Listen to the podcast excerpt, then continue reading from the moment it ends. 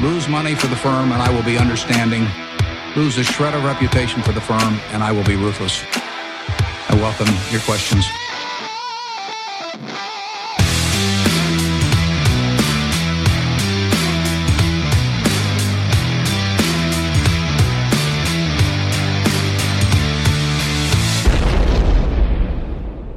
Hej och hjärtligt välkomna till Kvalitetsaktiepodden. Det är jag som är Ola. Ja, det var som Marcus. Och det är jag som är Klas. Det här är avsnitt 152. Släpps natten till torsdagen 12 oktober. Och spelas in på eftermiddagen dagen innan. Mm. Mm. Eh, det här är ju ännu ett mellanrapportavsnitt. Eh, tittar vi till fyra bolag. Två nya, nästan två och en halv, kan man säga det? Det kan man. För det ena bolaget har inte varit med på så länge så vi... Ja, vi Knappt kommer knappt. ihåg det. Eh, vi kommer även försöka svara på några av de, några av de frågorna som kommit in då eh, i den här lilla tävlingen vi hade. Så. Samtidigt som vi meddelar då vinnarna och det här var ju eh, tävling avsnitt 150. Eh, ja, så jag tror att det här avsnittet blir ungefär lika mastigt och mustigt som vanligt. Eh, ja, som några av er mer uppmärksamma lyssnare kanske kommer ihåg eh, så berättade jag ju i förra avsnittet om ett litet lynchningsprojekt av den svenska aku- akutsjukvården som min äldsta dotter, som vi valde att kalla Freda, nyligen genomfört. Börja med en bruten stortå och sluta med en blindtarmsoperation inom loppet av några dagar. där va? Men du ger det inte. Nej. Eh, för den som undrar hur det gick sen då, så kan jag ju meddela att eh, Freda nu är åter utskriven från sjukhuset för vård i hemmet. Men nu kallar vi henne Lisa. Ja, ja visst. Eh, ja, men så är det ju. Nej, hon fick ju naturligtvis... Ja. Ja. Nej, hon fick ju naturligtvis en svår infektion då i ett av operationsåren. ja, det är väl själva. Någon, någon dag efter att förra avsnittet släppts. Ja. Eh, ny sväng till akuten, hög feber. Där har gått en dryg vecka på lasarett för det stackars barnet. Och där har jag också befunnit mig i stora delar av den tiden. Men nu får du sluta lyncha. Ja, nu får det vara nog alltså. Eh, det här senaste spektaklet hade kunnat undvikas helt eller i alla fall kortats ner rejält. Med lite, lite tur och kanske aningen mindre nonchalanta kirurger i eftervården. Det finns en gammal sägning som säger att många ki- kirurger fungerar bäst med sövda patienter. jag, jag ställer mig nog lite bakom den just nu. Eh, jag vill ju poäng- dock poängtera att vårdpersonalen i stort varit helt fantastisk här. Mm. Men oklart om den är inhyrd fortfarande. Ja, det kommer vi aldrig få reda på. Nej, men eh, väntar vi här någon månad så kanske både det här nya såret i magen och stortån är skapligt hel. Hon kan återgå till Skola. skola. Ja, det gör hon eh, lite grann redan, så det känns toppen. Men Ja. på riktigt komma tillbaka till livet som vanligt. Eh, så, det, så är det. Vad har ni gjort sen senast? Jag kommer inte ihåg vad jag sa sist. Det var väl något om fotbollen antar jag. Det måste det ha varit. För nu är ju verkligen den säsongen slut, så nu är- vet jag inte riktigt vad jag ska göra på helger och kvällar. Nej. Eh, Vi hade ju avslutning här. 100 mål tryckte vi in på en säsong. Det är, liksom, det är något annat än allsvenskan. Eh, om, man, om man tycker det är tråkigt med få mål, va? som vissa gör, och har den, då ska man kolla på tioåringar som spelar fotboll, det kan jag Ja, lova. För då jäklar rasslar det i nätet. både, fram, både framåt och bakåt. Nej, men annars, jag eh, fixar lite hemma och sådär. Eh, mm. Ser faktiskt fram emot hösten. Stängslar in lite så du kan släppa ut hunden. Ja, faktiskt. Stängsel är ett tråkigare ord än staket tycker jag Ja, på okej. något sätt. Lite jag, jag, jag skulle vilja säga staket, även Ja. fast jag, egentligen är det nog ett stängsel rent... eh, Ja. ja, men, men, men, Ketchup, concassé. Det är lite så olika. Lite så. Ja. ja. Ja, ja, nej, men det, jag ser fram emot hösten. Eh, framförallt är det ju mycket börs nu man tänker på. Mm. Marcus? Ja, jag, jag tror det är lite samma som du hade. Ryder Cup. Jo, Det var ju fantastiskt. mycket trevligt. Vilken tv-sport. Ja. Det, det, är liksom, det blir inte så mycket mer spännande så här tycker jag. Nej, Vanliga golftävlingar kan ju bli lite långtråkigt ibland. Lite ja. ja. Fyra runder Ja. och så liksom någon vinner på slutet. Ja. Men, men här är ju matchspel, varje slag betyder något. Massa publik, värsta stämningen. Ja. Och så fick Europa spöa de här dryga amerikanerna också. Ja, lite roligt. Eh, De eldar ju på det här också, de svenska kommentatorerna. Jag tycker faktiskt det, att de liksom lite lägger upp det. Ja, han brukar ju, brukar ju ha ett litet, eh, vilken tuff attityd och sådär. Ja, De De kör. amerikanerna höll ju på med att lyfta kepsen för att de inte skulle ha betalt det här. Vet du. Ja, ja, jag vet. det, Jag det vet. var ju lite drygt. Ja, ja. och- Men då fick de åka hem. Multimiljonärer där som Ja. mycket, mycket vill ha mer. Så, Precis. men det var väldigt kul. Väldigt bra tv-sport. Ja, häftigt alltså. Ja, det vart ju spännande sista dagen där. Ja, att även fast det egentligen inte borde ha blivit det så blev det. Och det blir alltid det i Ja, Ryder Cup. ja. Men, men det är så härligt. Sen såg jag att vissa tyckte det var lite tråkigt att européerna firade sådant efteråt. Det är klart de ska göra. Nej, men liksom de sa så här, men golf som alltid har varit en, en ärofylld sport som du vet så här, ja, fotbollsspelare kan man ju förstå att de eh, häller champagne på varann och så. Men, men i golf, där ska de ju bara vara tysta och du Ja, vet, fi, fira i... Nej, tycker, jag tycker precis tvärtom. Va, fan, var glad! Har, har de missat Tiger? ja. Han kan ju fira. Han kan ju Han kan fira. fi- Han kan Ja, fira den ja. räkaren. Nej, jag såg något från eh, bussen från eh, då de sjöng Ja, och du vet, det det, de var, ska. det var skumpa och du vet, liksom, det är Men det är ju de det måste- som är kul med Ja. alltså de här, de här Ja. snorrika lirarna. Att, alltså att det, De får fira essensen i sport får fira ihop. Ja, det har att de- få vinna alltid. och förlora som Ja. ett lag. får de aldrig i golf annars. Det är så jäkla härligt De ju. kommer hem och firar med familjen lite. Hur kul är det? Mm. Här är det ju liksom ett lag. Ja. ja, men så är det ju. Vi är on fire idag känner jag. Ja. Eh, men jag kan säga så här då, kopplat till Ryder Cup. Mm. Ja. Några Som som garanterat inte hade släppt upp amerikanerna en millimeter sista dagen om de hade varit i Europas Ryder Cup-lag. Vet du vilka det är? Jag Vet tror det är Peter och Håkan. Det är Peter Håkan på Cavalier, det kan jag Ja, säga. För att förutom sin, eh, sina framgångsrika fonder va, Mm. så har ju vår huvudsponsor Cavalier AB eh, även eh, sin diskretionära förvaltning. Där, eh, ja, där de eh, tar hand om lite större förmögenheter. Mm. Där har de precis samma filosofi och långsiktighet som de har när de förvaltar sina fonder. Då. Men skillnaden här i den diskretionära förvaltningen är att det här är individuellt utformade portföljer Mm. utifrån kundernas önskningar och behov. Och den riktar sig eh, till de som vill placera minst 5 miljoner kronor. Men inte bara lämpligt för privatpersoner utan Cavalier anlitas även av företag, organisationer och stiftelser. Och en betydande del av deras uppdrag utgörs av så kallade trädabolag. Då. Just det. Det är lite tuffare tider här för oss värdeinvesterare. Och eh, för många av dem som lyssnar på den här podden. då. Jag vet att det finns ett stort aktieintresse där. Kanske inte riktigt tiden finns. Kan det ha varit en period där det varit lite lättare? Man har känt att det här, det här, det här rullar på bra. Det kan vi nog inte säga om i år direkt. Alltså. Nej, nu har det blivit lite tuffare va? Ja. Vad ska jag, hur ska jag hantera min privata portfölj här? Eller jag har lite överlikviditet i mitt bolag. Mm. Då har man de tankarna. Ta kontakt med Peter och Håkan. Man hittar uppgifterna på kavaljer.se. Så kan väl i alla fall de ta hand om en del av kapitalet. Så kan man sova lite bättre om, om nätterna. Eh, och eh, ja, det finns ju olika storlekar på förmögenheter va? Och eh, har man lite mindre eller tycker att det är kul annars också så har ju Cavalier sina fonder. De är ett utmärkt alternativ. Inte minst ett månadssparande. Timingrisken. Mm. Jätteaktuell. Är det billigt på börsen nu? Troligen. Vem vet? Vem vet? Eh, Quality Focus. Bästa fonden i Morningstars kategori små och medelstora bolag både i år och på tre års sikt. Ja, det är ju snyggt. Det är kul. Eh, vill man veta mer om filosofin bakom Cavaliers förvaltning hittar man all information man kan önska på kavaljer.se och köpa in sig i fonderna kan man göra både bland på Nordnet, Avanza och Saver. Och när vi pratar om fonder är det viktigt att komma ihåg att historisk avkastning i fonder inte behöver vara en indikator på framtida avkastning. Och man kan förlora delar av sitt satsade kapital då fonder både kan gå upp och ner i värde. Tack säger vi till vår huvudsponsor Cavalier AB. Eh, vi vill också passa på att tacka vår äldsta samarbetspartner Börsdata. Du menar värdeinvesterarens bästa vän eller? Precis de. Är Ja. man inte medlem hos Börsdata än tycker vi att man ska bli det. Alla medlemsnivåer, priser och själva tjänsten hittar man på borsdata.se. Tack säger vi till Börsdata. Holdings då? Ja. Ja, vi har ju ett samarbete med Modular Finance för att se hur vi kan ha nytta av deras fantastiska tjänst Holdings. Ett inspirationsverktyg, men också för att spetsa till vår exekvering här. Att veta vilka som äger och handlar i bolagen vi är intresserade av är mycket intressant information. Särskilt om man som vi arbetar professionellt med investeringar. Mm.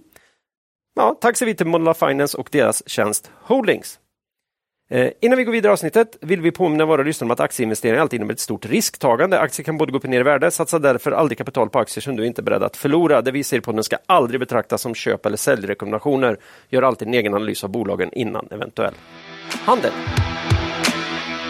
Då så, Så är det då är det dags för lite aktuellt Macke. Ja, men precis. Jag brukar kolla upp hur det har gått. Eh, Plus 2,4 procent sen senast. Det var ganska länge sedan det var plus. Säga. Ja, Men det beror ju bara på att i tisdags gick det upp 3 procent. Ja, På en var, dag. ja, och idag är det upp... Det följer det, det är en stark signal när det går upp en dag och sen följer dagen efter eh, upp. Det är faktiskt plus 0,1. Okej, inte mycket, men det, det, det tappar inte tillbaks i alla fall. Nej. Det är styrka. Det, är bra. Nej, det var ju amerikanska tioåringen tydligen som föll tillbaka Eh, och då gick börsen jättebra. Ja.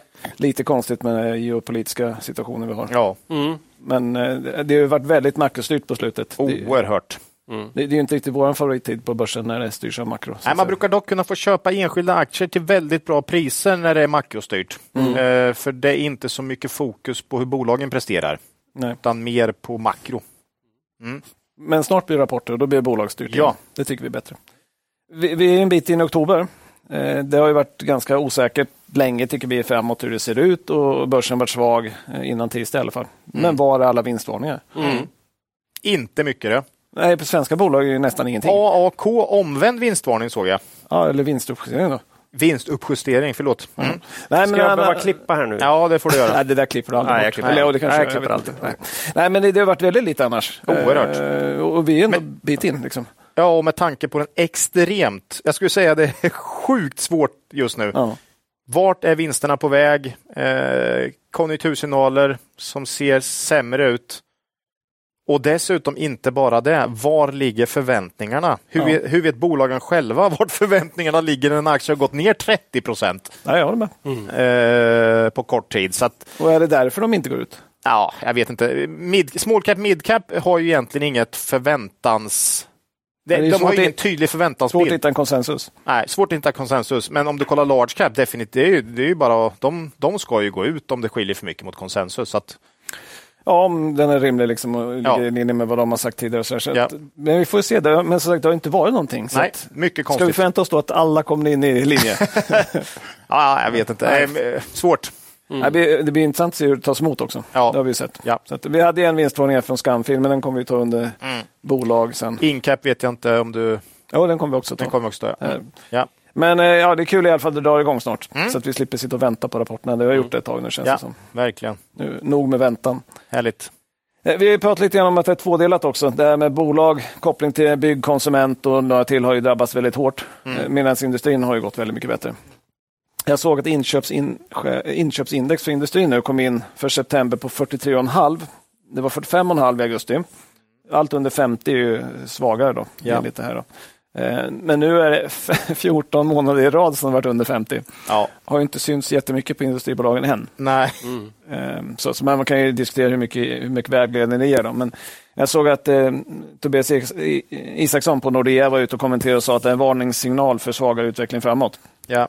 Och det har ju vi väntat lite grann på, kanske. Ja, lite så. Eh, varför man har velat köpa varför det känns lite skönt eller något skönare med bygg och konsument nu är ju för att där har man sett lite skit ändå. Det är jäkligt jobbigt att köpa något där man inte ens har sett något. När, när, när ändå alla signaler pekar på att det ska ner. Vi, vi pratade om det i KABE där på Sverigedelen, när man bara väntat på att det ska gå ner och sen helt plötsligt kommer 30 procent ner. Ja, Det, det är den känslan som är obehaglig ja, att ha. Liksom. Som man har och nu har man sett om vi återgår till de här eh, liksom, vinstvarn eller, ja, vinstvarningarna från Incap och nu Skamfil då, så är det ju lite det man har väntat på. Att det måste komma någon. Nu, nu verkar det här, ja, jag vet inte. Det, det, det är svårt, men, men visst har man väntat på det i många industribolag. Mm. Men de stora har inte drabbat. Vi får ju se nu i Q3 då, Ja. om, det, om man ser någonting. Atlas Copco, ja men precis, Atlas Copco, Sandvik, den typen av bolag. Den typen. Eh, precis. Men, men eh, det var lite intressant här, de slår ner på bransch också och både t- transport, både lastbil och personbil var fortfarande starka siffror. Ja. Jo, Det känns som personbil annars brukar vara ganska känsligt. ja, precis. Men vi, vi, vi får se, det blir väldigt intressant när Q3 kommer då, om, om det blir lite svagare än vad det varit tidigare i Ja. industrin. Då. Får se om det blir som förra perioden där svaga rapporter slaktade, slaktades ju. Ja. Eh, och starka rapporter, ja, då, lite mer oförändrat va? Lite, möjligtvis lite upp. Och, och, Lite upp. men om det var förväntat så är det ner. Så att eh, vi får se om det blir en sån period till. Då, då, då egentligen allt ligger på makro och en bit längre fram där man Ja. säger att dagens resultat spelar ingen roll för det kommer bli sämre. Ja, nu ja. Nu ja! Ja, precis. Fint väder idag. Ja, nu ja. Ja. Ja, det är precis. Ja, det beror på den. Ja. Eh, jag tänkte knyta upp några saker vi har pratat om också tidigare i en bolagsnyhet. Går vi över till bolagen. Då. Mm. Vi pratade om det att det var tungt för bolag inom bygg och heminredning. Konsumenterna drar ner på inköpen postpandemieffekter. Liksom och, så. Mm. Eh, och då sa vi att det blir jobbigt för en aktör som BOG. Mm. Sen har vi sagt att vi är lite skeptiska till bolag som har gjort många förvärv när marknaden var het. Ja, det blir ju BOG igen då, Ja. som bra exempel. Eh, och 29 september så kommer de ut med ett pressmeddelande. Sa att vi har ett brett omstruktureringsprogram. Vi har identifierat ett antal delar där vi inte ser någon tydlig väg tillbaka till lönsamhet. Och då avser de sin näthandel. Låter Nej. inte så bra. Nej, men de säljer tillbaka AH Trading för en euro. Mm. Det köpte man 87, eh, 80 procent av för 367 miljoner i september Fy fan. 2021. Oh. Ja. Nu tydligen värt en. Mm. Oh. Man sålde danska verksamheten My Home Möbler till grundaren för en dansk. Det betalar man 187 miljoner för. Mm. Han, de köper tillbaks Nej, då, eller de säljer tillbaka. Ja, eller alltså, men- grundarna köper tillbaka sina Ja. verksamheter. och får då en bra slant emellan där som man har kvar då, 187. Ja. Ja. Nej, men de får en. Liksom. De, får, de får en krona, och sen, eller en euro och en dansk. Och sen får man en total reavinstförlust på 1,16 miljarder. Jo. Det är Ola tänker mer på dansken. Har Dansken fått som hade fått 100. dansken, 180 ja. miljoner för sitt bolag och sen en- för en euro av de 180. Ja. Ja. Jag kan sammanfatta. Ola vill hellre vara dansken än BOG. Ja, Ja. det var det som var. Men vad Bra Claes, säga det var om- precis det jag försökte. Mm. Det här kan knyta ytterligare en grej. Vad brukar du säga om svenska köp i Danmark? Eh, ja, Spännande. Att det går just här? eller? Ja. Nej, men, men det var ju liksom svårt att säga att den här förvärvsrundan har varit ett ganska stort misslyckande. Då. Mm. Även om man springer in i en tuff marknad. ja, herregud. I många bolag också. Ja, jag såg det, jag skrev ju någon artikel där jag sa att BOG har inte hunnit kolla men, men att de har lägre börsvärde än det kapitalet man tagit in i nyemissioner under 21-22. Ja. Det är ju, de Det är är inte bra. själva heller, Nej, skulle jag säga. Så man ska inte bara basha dem. men, men, de, men jag håller med, det, det- är ju ett väldigt ett bra exempel på just det, eh, faktiskt. Ja. Men sen sa man ju då, eh, BOG, då, att man stänger fysiska butiker, konsoliderar, konsoliderar till fär- färre plattformar och förstärker det digitala erbjudandet. Det hade man tydligen inte gjort innan.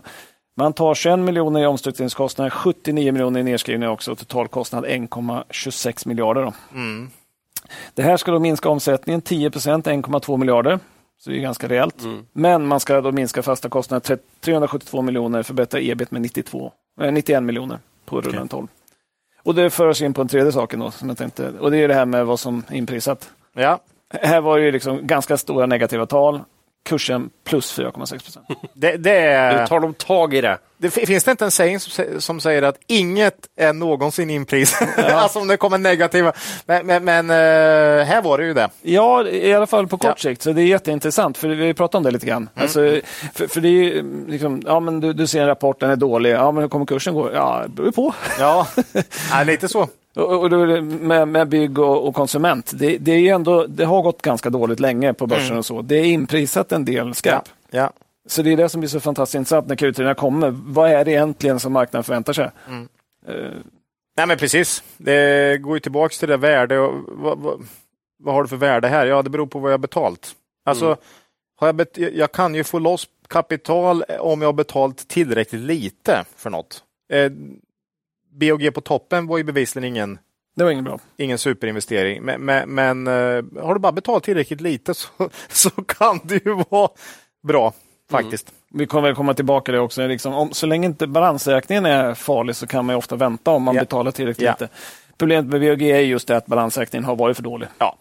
Eh, Den blev för, för stretchad när man köpte så mycket. Precis. Men vi får se när rapporterna kommer. Nu såg jag att den har fallit tillbaka lite grann eh, igen. Då. Man gjorde var lite tidig seger Randström. Men, men eh, det är i alla fall intressant att kolla nu när rapporterna kommer. Vad är egentligen inprisat? Ja. Jag har ju lynchat lite här. Jag håller ju, Fanken var har, ju, har ju suttit och eh, inte haft så mycket att göra när jag varit på sjukhuset här och Mm. dottern har sovit och så. så då har jag letat bra priser på det sista jag håller på med min ombyggnation hemma. Okej. Och Bygghemma har alltid legat bra till innan. Men jag vet inte vad som har hänt om de andra har sänkt eller om de har höjt Försök- upp lite. Om de försöker fokusera på lönsamhet. Ja, om de försöker fokusera på lönsamhet nu för att de är inte Okej. det är inte en uppenbar vinnare. Jag har liksom fått best- beställt grejer från granngården istället. och så där. Det är intressant. Okej. Ja, Och ser. Det är just jobbigt när man är på nätet. Det är inte jättejobbigt att jämföra dem kan jag säga. Nej, nej, precis. Mm. Så det är nog ganska viktigt att man, eh, Ja, man, man kan konkurrera också med pris. ja. Så det, jag vet inte, men det är, det är tre stycken eh, produkter av tiotusentals. Ja, jo. så jag behöver inte säga någonting. Nej, nej, det Nej, men det kan man då. Ja. Indikation. Eh, 5 oktober så kommer ju den här eh, eh, vinstvarningen som du var inne på. Den finska kontraktstillverkaren Incap Och det, och det här var ju kategoriserat vinstvarning. Ja, Scanfil var ju inte det riktigt. Det stod ju uppdatering. Ja, men jag tänkte till skillnad från Hexatronic då. Jaha, okej. Okay, okay. Uppdatering av kursutveckling. Jaha, du menar, du menar så ja. Ja, ja precis. precis. Mm. För det här var ju en vinstvarning. Ja, absolut. En riktig. Eh, Profit warning. Ja, man mm. hade ju sagt att omsättning och vinst skulle bli lägre 23 än 22. Mm. Det öppnar upp ett ganska stort spann av möjliga utfall kan man säga. Ja, det gör ju det. Eh, och här kom ett av de utfallen. Eh, ett av, okay. ja. ja. men då sa man omsättning eh, 23 blir 210 till 220 miljoner euro och rörelseresultat 24 till 28. Eh, tittar man på mitten på intervallet jämfört med 22 så blir det fall för omsättningen på 19 procent ungefär. Men de har köpt ett amerikanskt bolag också, så en liten bit över 20 om man tar med det.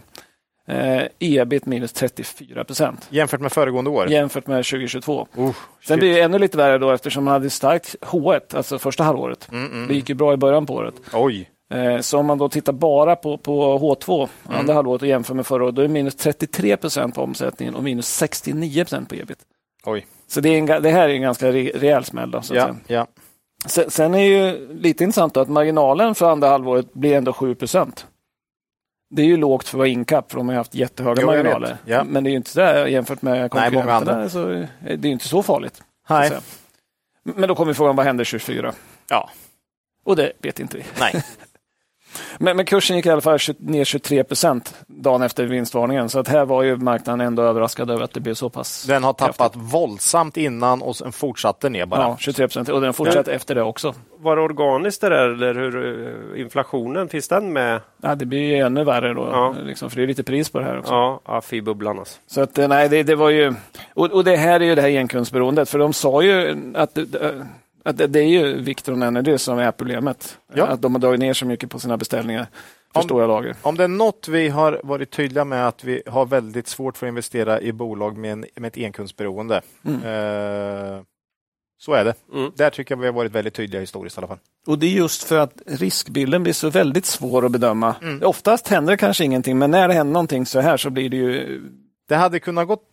Vi hade kunnat sitta här om fem år, hade inte hänt... Alltså, och då hade det säkert gått jättebra med ja. kurs och allt, men eh, ja, det är just den här, den här att det kan hända. Att det, kan hända. det är svårt att mm. kvantifiera. Ja. Det finns ju två uppenbara risker. Det ena är ju, det här har vi sagt så många gånger, men det ena är att du investerar ju egentligen i ett annat bolag än det du får siffror på. Lite så ja. Mm. Så då ska du veta fruktansvärt mycket om, jag kommer inte ens på vad de, här, ihåg vad de heter. Viktorn Ja.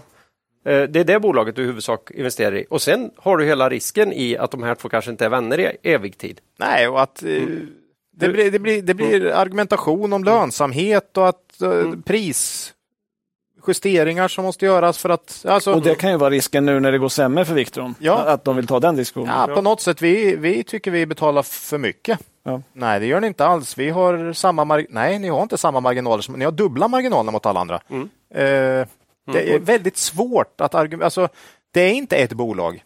Det är ett bolag och deras kund. Ja. Och sen, vi, vi såg ju lite grann här i eh, Nolato också. Ja. När BAT eh, skulle köra dual sourcing på sina e-cig. Liksom. Det gick ju också väldigt dåligt. Då. Mm, precis. Det, vi, gillar, ja, vi gillar inte när det är för beroende av en kund. Mm. Mm. Nej, men så är det. Ja, kommer vi fortsätta fråga efter ja. bolagen, ja. hur det ser ut. Ja.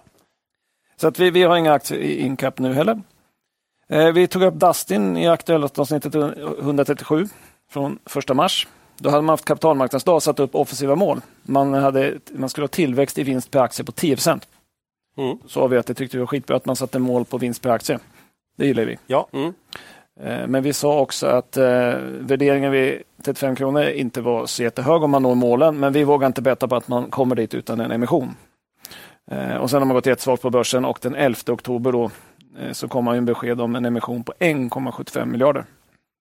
Det är ganska mycket. Man släppte också rapport organiskt för omsättningen hemska 17 procent.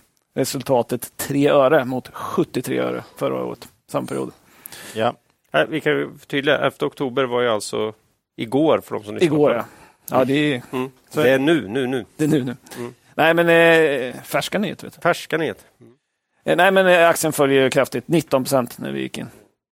Eh, och det är en kombination av rapporten och emissionen. Ehm, sen preciserar man inga villkor för emissionen. Det här mm. klassiska att man säger att man ska göra emission men säger inte hur. Nej. Det, det brukar inte marknaden tycka är så jävla kul.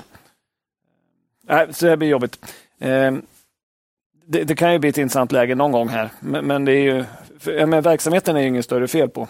Eh, utan det är ju man liksom förköpte sig och fick en balansräkning när man kommer in i en svagare marknad som är jätte, jättedålig. Där är nyckeln lite i en svagare marknad. Ja. För så länge vinsten var på liksom nivåer som var som gällde för tre, fyra år sedan, ja men då Ja. såg ju skuldsättningen rimlig ut ändå. Ja, det var inte Men- alls lika farligt. Men så Och- fort liksom eh, vinsten rasar så blir det ju helt plötsligt jobbigt. Och, och det blir ett fokus för marknaden. Ja. Det finns ju en liten grej med rä- räntan här också. Då. Räntan, absolut. Och i deras fall är det inte en sån jäkla liten grej heller. Nej. För de, har ju, de är ju rejält skuldsatta. Ja. Det var ju lite skoj här i morse när jag frågade Macka här, men hur mycket blir de av med av sin skuld? Eh, Tar de bort den eller halverar de? Nej, Ja, nej, precis. de, de, de gör en liten bula i den bara. nej, för det är ju också nästa grej, för att de har alltså en nettoskuld på 4,8 miljarder. Mm. Ehm, Så jag menar, gör man en emission på 1,75, då är fortfarande 3 miljarder kvar. Och, och den kostar ju rätt mycket i räntor just nu. Ja. Så, så att, och, och vi pratat om det här med, med i dåliga tider fokus balansräkning, i bra tider ingen bryr sig. Precis. Men, men det är jobbigt att då hamna Och då i får man de också bolagen. frågan, eh, är det så viktigt? Den får Ja. man ganska ofta när det har varit fem bra år. Japp. Då är det liksom, ja men det här är ju så fint, de klarar det. Ja, men det är, så fort det blir den typen av marknad, då kommer fokus skifta dit. Så då sitter man där med ett bolag som har tappat vinst och kursnedgången blir ju hisklig för att liksom, du kan inte ta bort konkursrisken till slut. Ja, här Den, den liksom. finns ju alltid som ett scenario. Det finns det ju inte i de här bolagen som är skuldfria på något sätt. Nej. De kan tappa vinst, men det, det gör ju inget. Nej, de kommer tillbaka och de har ju inga, inga, inga skulder, så vem ska sätta dem i konkurs? Och här är liksom, du tar bort en tredjedel av skulden med att göra en emission som minst dubblar antal aktier. Ja, ja det, det här är ju liksom mardrömsscenariot. Ja. Och vi har väl också sagt eh, att ännu viktigare med fokus på balansräkning, det har vi sagt i ett år säkert. Mm. Och det är ju det.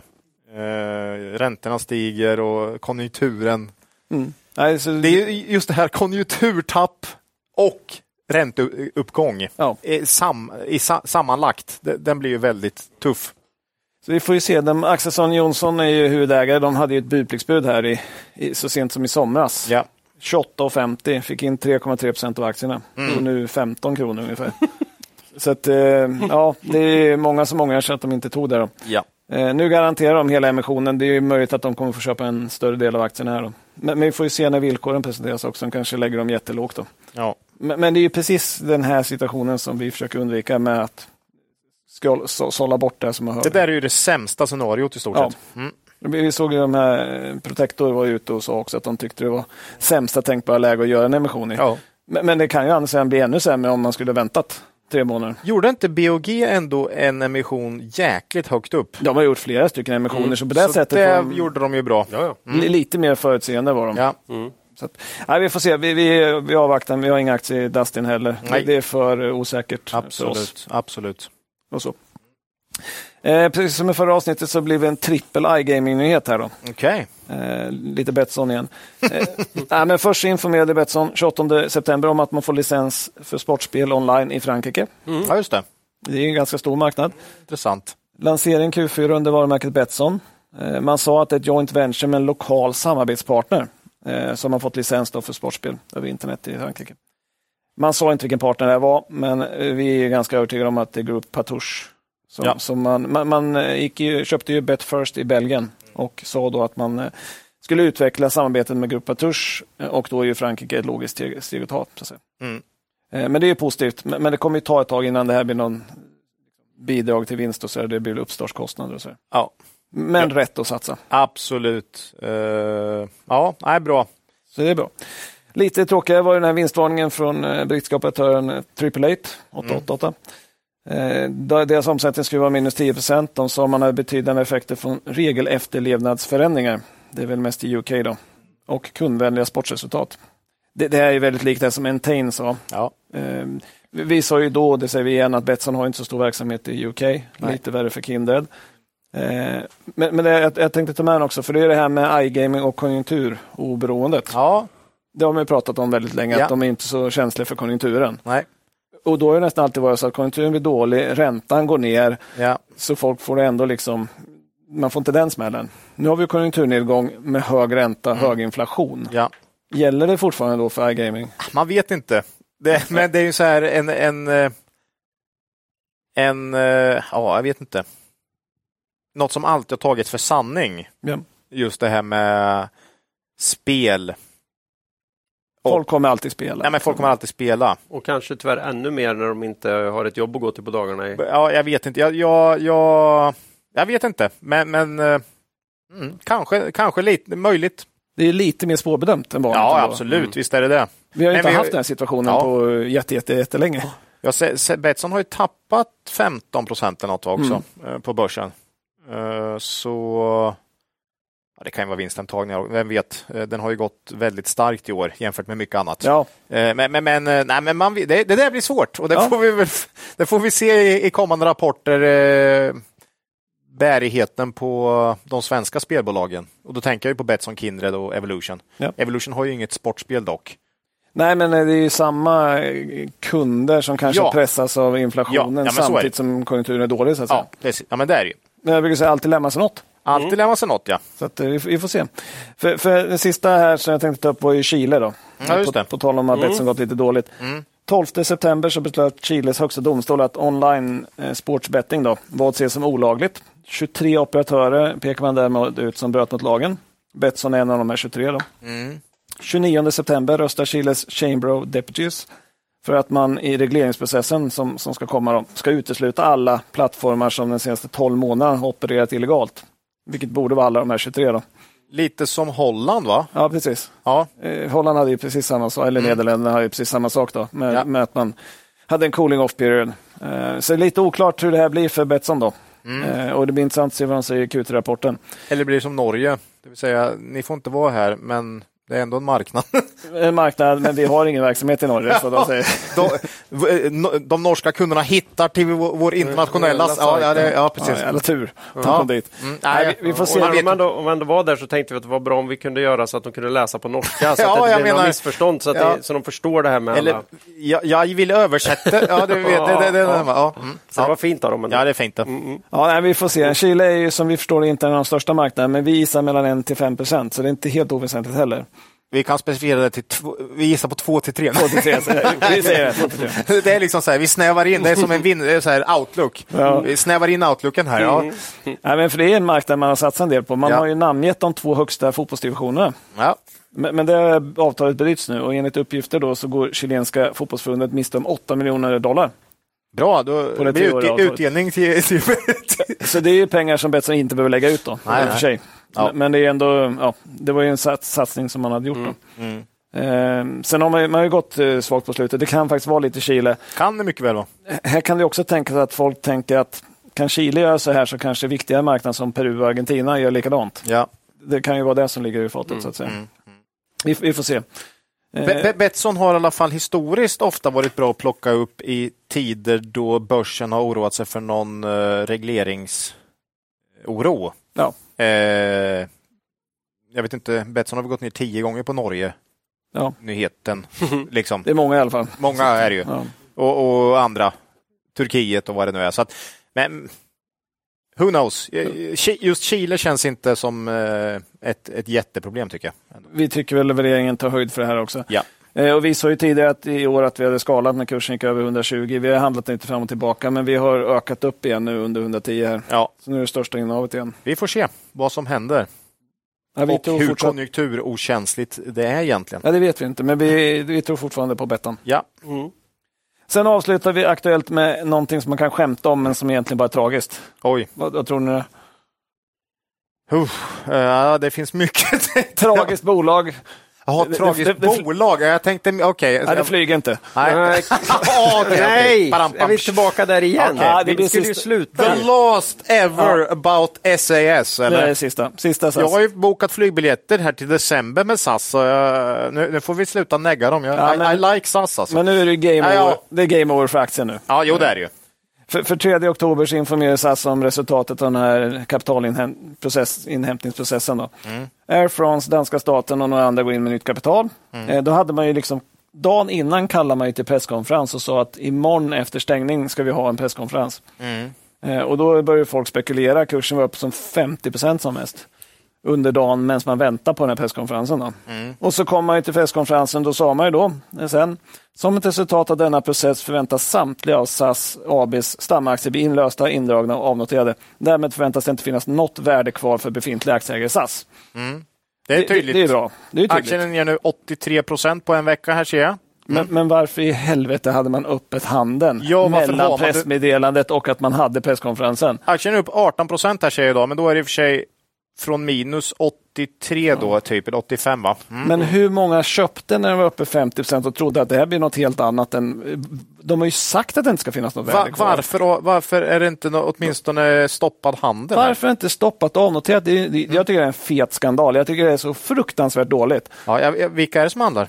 Ja, dels ska ju alla få börskörkortet indraget som hade SAS innan presskonferensen. De ska ju inte köpa några mer aktier. Alla fonder som har haft det, de ska ju ha en röd flagga för att de bryr sig inte om sina Ja. Addisägare. Eh, Och de ska intervjuas. Hur tänkte du när du hade kvar de här aktierna? Ja, jag, jag gillar SAS. Ja, och, och, då förstår du inte vad värderingen av Nej, nej. Nej, men det, jag, jag tycker det är så ofantligt Ja. uselt. Ja. Men eh, all, eh, det täcks ju fortfarande mycket korta positioner här vad jag förstår. Jo, nej, men visst, men, men, men, men ska man ha öppet för att låta blankarna få, få täcka lätt då? Är det en anledning till att ha öppet liksom? Jag tycker Ja, inte det. blankning är ju lagligt. Jo, Eh, men, de, men de kan ju få ta på aktierna i onoterad värld också. Så att det, liksom, jo. det finns ingen anledning att ha öppet av den anledningen. Nej, det, är det, enda, det är det enda argument jag har hört som överhuvudtaget är om man tillåter blankning då, då får man ju låta skiten gå till noll då liksom. Ja, eller, men, men så kan man skicka ut pressmeddelande och säga att det, det kommer att avnoteras eh, snabbt. Eh, jag, jag tycker inte det här ska handlas. Det, det, är Nej, det liksom, var en fruktansvärt många privat... ja, det har ju kastats in en massa folk som inte förstår det här. Och då kan man tycka, ska man, ska man rädda alla som inte förstår sitt eget bästa? Ja, det kanske man inte alltid kan göra, men i det här fallet kunde man ha gjort det. Jag tycker det är uruselt. Det, Ja. Mm. det, det är en, eh, ett helt års svarta kameler till alla inblandade här för att det har fått, fått Nasdaq fortgå. också. Nasdaq skulle ha stoppat det här, det skulle ha avnoterats. Det finns ingen anledning att ha det noterat överhuvudtaget. Man har sagt att det ska bli värdelöst. Stäng ner skiten, bort med dem. Det var sista gången vi tog upp SAS. Ja. The, la, the last time. Det- Det, måste. det är uttömt. Jag hoppas jag, dock att jag del- kan jag, fortsätta- jag delar allt du säger, jag kände bara att jag var tvungen att trycka in någonting. Just det, jag kom på östen på också.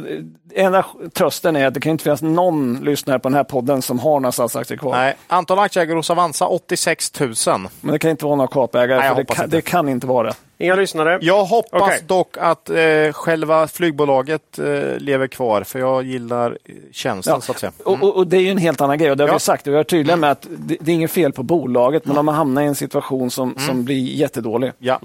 Okej. Så är det. Och, och en lilla krets bara till ledningen som faktiskt sa att det här skulle hända, att Ja, de skulle har- bli värdelösa. Det är ja, inte, det är de inte deras fel på nej, nej, nej, nej. De har varit väldigt tydliga rakt ut. Mm. Ja, mycket lite värde kvar. Mm. Det, var det, var, aktuellt. det var aktuellt. Då hoppar vi på bolagen då. Oj! Så är det. Fyra stycken var utlovade och varav två nya. Börjar med ett nytt direkt då på B här. Jag tänkte vi hoppar på S. SAS direkt. SAS direkt och nytt bolag Okej, podden. Marcus! Ja. Då kör vi! eh, eh, nej, det blir istället fastighetsinstallationsbolaget Bravida. Au. Spännande. Eh, ny, ny podden. Firade ju eh, 2022 här då 100-årsjubileum Ja, sånt gillar vi på den här med podden. omsättning och vinstrekord. Det är ganska många som har frågat efter dem faktiskt på slutet nu. Ja, Av förekommande anledning. förekommande anledning. Ja. Omsättningen blev strax över 26 miljarder och vinsten nästan 1,3 miljarder. Eh, så det är ett stort bolag för att vara med i den här podden. Mm. Det- Sek- 17 miljarder i börsvärde. Ja, vittnar ju inte minst om t- över 13 000 anställda om. Mm. Och det här börsvärdet du tog upp här Ola. Eh, ja, frekvent efterfrågat må- från många lyssnare de senaste månaderna. Ja, särskilt på slutet. Var det Ja, varit så. eh, det är inte konstigt, verksamheten verkar ju rulla på ganska bra. Men P har kommit ner rejält på slutet. Handlas eh, nu strax över P12. Och eh, ja, om vi tittar bakåtblickande P12 är det ju då. Ja. Eh, Motor stadigt har legat över P20 sedan 2019. Eh, då lyfte de värderingsmässigt rejält från 2018. För innan eh, 2018 så värderades de ungefär som nu. Mm. Mm. Vi har ju haft en...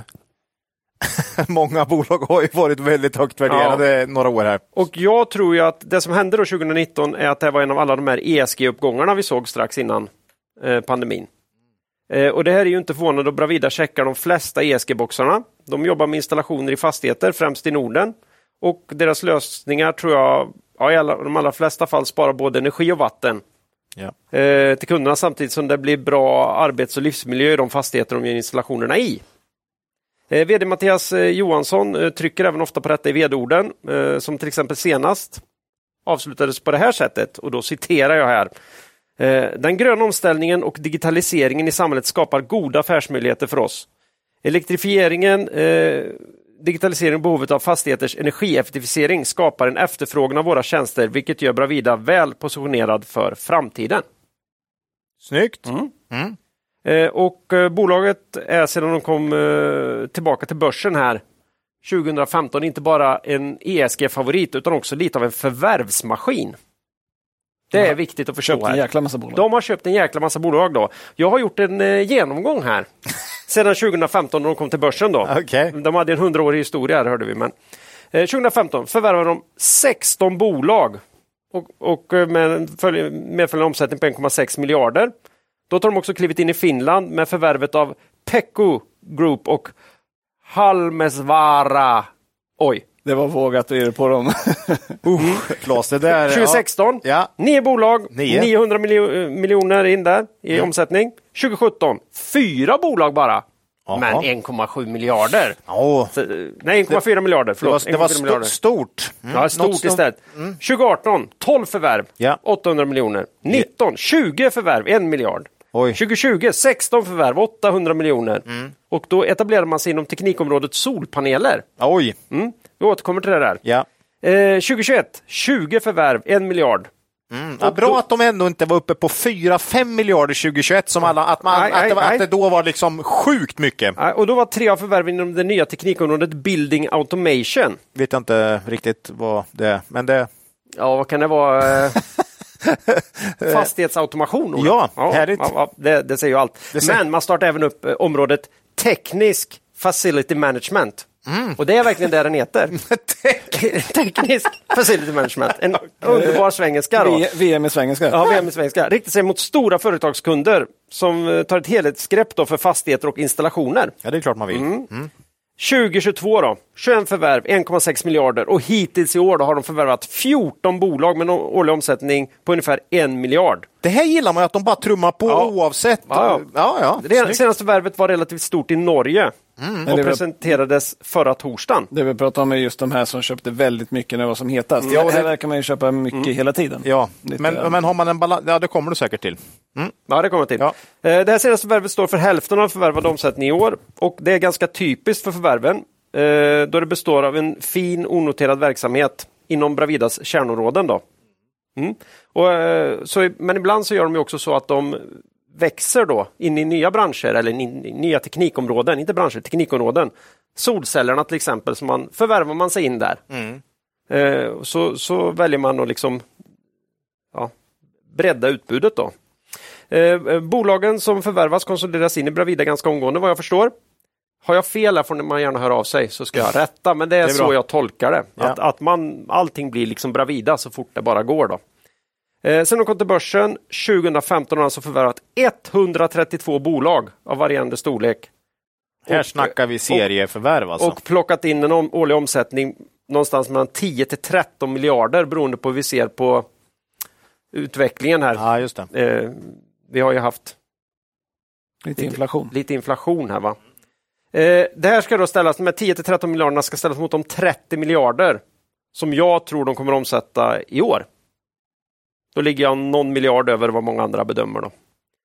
Eh, målet för bolaget här det är att växa omsättning med 5% per år. Inkförvärv. Mm. Oj, det var Till en, modest va? Ja, modest. Till en ebit-marginal ö, strax över 7 Mm. och, ö, eller en ebita-marginal över 7% vilket är, i Bravida nästan hela tiden är samma som ebit. Så jag vet inte varför man har det här ebita-målet. Nej. Det Eh, såg lite konstigt ut. Ja, ebit är ju vinst före räntor och skatt. Då. Och här är det som du var inne på, Ola. bolaget överträffar många år omsättningsmålet med en tillväxt på i snitt 10% Både de senaste 10 och 3 åren. Ja. Så, och med den förvärvstakten så hade det varit tragiskt om, om de inte lyckades med det kan man säga. Mm, mm. Rörelsemarginalen ligger dock under de här 7 procenten, vilket inte heller är konstigt om man förvär- förvärvar så här. Eh, ligger någonstans mellan 6 och 7. Eh, men det är otroligt stabilt med tanke på alla de här förvärven. Jag är nästan lite förvånad alltså. Ja, det är väldigt fina Jag grafer. skulle tippa, nu har jag inte, men kanske runt 6,3 eller något sånt här eh, går man in. Och liksom är det verkligen en outlayer så är man ute i, uppe i 6,7 och så går man strax under 6 något enstaka år. Liksom. det är ju sånt, det är Otroligt sånt stabilt. man verkligen gillar. Ja, eh, så är det. Man har som mål att dela ut 50% av vinsten. Eh, det gör man normalt och det är en direktavkastning på runt eh, 4 i dagsläget. Ja, det är inte dåligt. Eh, får man ju se då hur man eh, väljer att göra här. Ska man, ligger man kvar där? Ja, förmodligen. Eller så om man väljer att stärka balansräkningen. Men man handlar för kassaflödet va? Ja, alltså det är ju det. Balansräkningen är ju trots alla förvärv och utdelning riktigt stark. Man har ett jättefint kassaflöde och det används till utdelning och förvärv. Eh, och ja, räntekostnaden ökar ju även här naturligtvis. Men den grann. organiska tillväxten kan inte vara jättehög då? Nej, den är inte, Nej. Den är inte jättehög. Eh, Men det man ska tänka här då, där andra bolag köper och bygger fabriker och håller på. Där växer ju Bravida genom att köpa nya bolag. Det är ju en lätt verksamhet på det sättet annars. Mm. Så det är viktigt att förstå. Då. Eh, nettoskuld genom ebitda. Viktigt nu då med balansräkning. Här har man ett mål max 2,5. Här tror jag efter de här offensi- offensiva förvärven man har gjort i år kommer man ligga någonstans mellan 1,3 till 1,4. Kan bli till och med lite lägre än det. Lite beroende på hur vinsterna kommer in nu på, på Det är helt okej. Ja. Eh, och jag tror säkert man kan få bra villkor eh, hos banken. va? Eh, ja, kursen då? Man har kommit ner en eh, bit för Bravida. 28 procent hittills i år. Som så mycket Ja, annat. det har var i och för sig igår. Det här glömde jag kolla upp innan jag gick in här. Det är därför det Nej, är det lite var upp gult 2 i mitt procent där, ty- tror jag. Okej då, eh, 26 procent hittills i år. Det är bara, det är bara index som är på... Hur, hur kan... det är bara index som är på Ja, plus. ja. Alla, det är lite konstigt alltså. Ja. Eh, I och alla det, fall av de små. Ja. Ja, de små. Marknaden måste ju förvänta sig betydligt tuffare tider framåt för Bravida här. Mm. Eh, och även vd ser utmaningar i den nuvarande marknaden. Då, I senaste vd-ordet då säger han eh, vi noterar en fortsatt prispress i marknaden. Prispress i kombination med ökade kostnader för material och arbetskraft kan leda till en fortsatt marginalpress för branschen och även för Bravida. Bravida har under lång tid hanterat både pandemi och inflationstrycket väl, men även vi har tappat viss marginal på grund av allt för snabbt ökande kostnader. I och med detta blir Bravidas fokus på marginal före volym ännu viktigare, vilket betyder att vi kommer att vara ännu striktare i vår eh, projektselektering, kundselektering och prissättning. Eh, det är också av yttersta vikt att vi har en fortsatt strikt kostnadskontroll i all vår verksamhet för att bibehålla en stabil marginal. Det gillar man ju också att höra. Men prispressen är de här andra aktörerna som har varit inom Ja. mer bygg som sen försöker bredda sig och, och så prispressar man lite grann. Ja, och sen, sen och tror jag att marknaden krymper lite så att eh, det finns en mindre kaka att Och slåss om. att slåss om också. Mm. Eh, orderläget då på installationssidan. Det här är ju, ja det kommer jag till snart, men det är ungefär 50% nyinstallation som finns i orderboken och sen 50% service och återkommande grejer. Eh, så det är ju en trevlig fördelning i och för sig. Men orderläget på installationssidan ser helt okej ut trots eh, de här tuffa tiderna. Och orderstocken är bara ner 5% från förra året. Och det är ju inflationsdopat lite då, så säg kanske 10 någonting. Eh, förrgår kom det ett pressmeddelande från bolaget med en större order kopplat till en teknisk upprustning av Huddinge sjukhus i syfte att förbättra inomhusklimatet och minska energiåtgången. Eh, men det här arbetet påbörjades i augusti, stod det sen.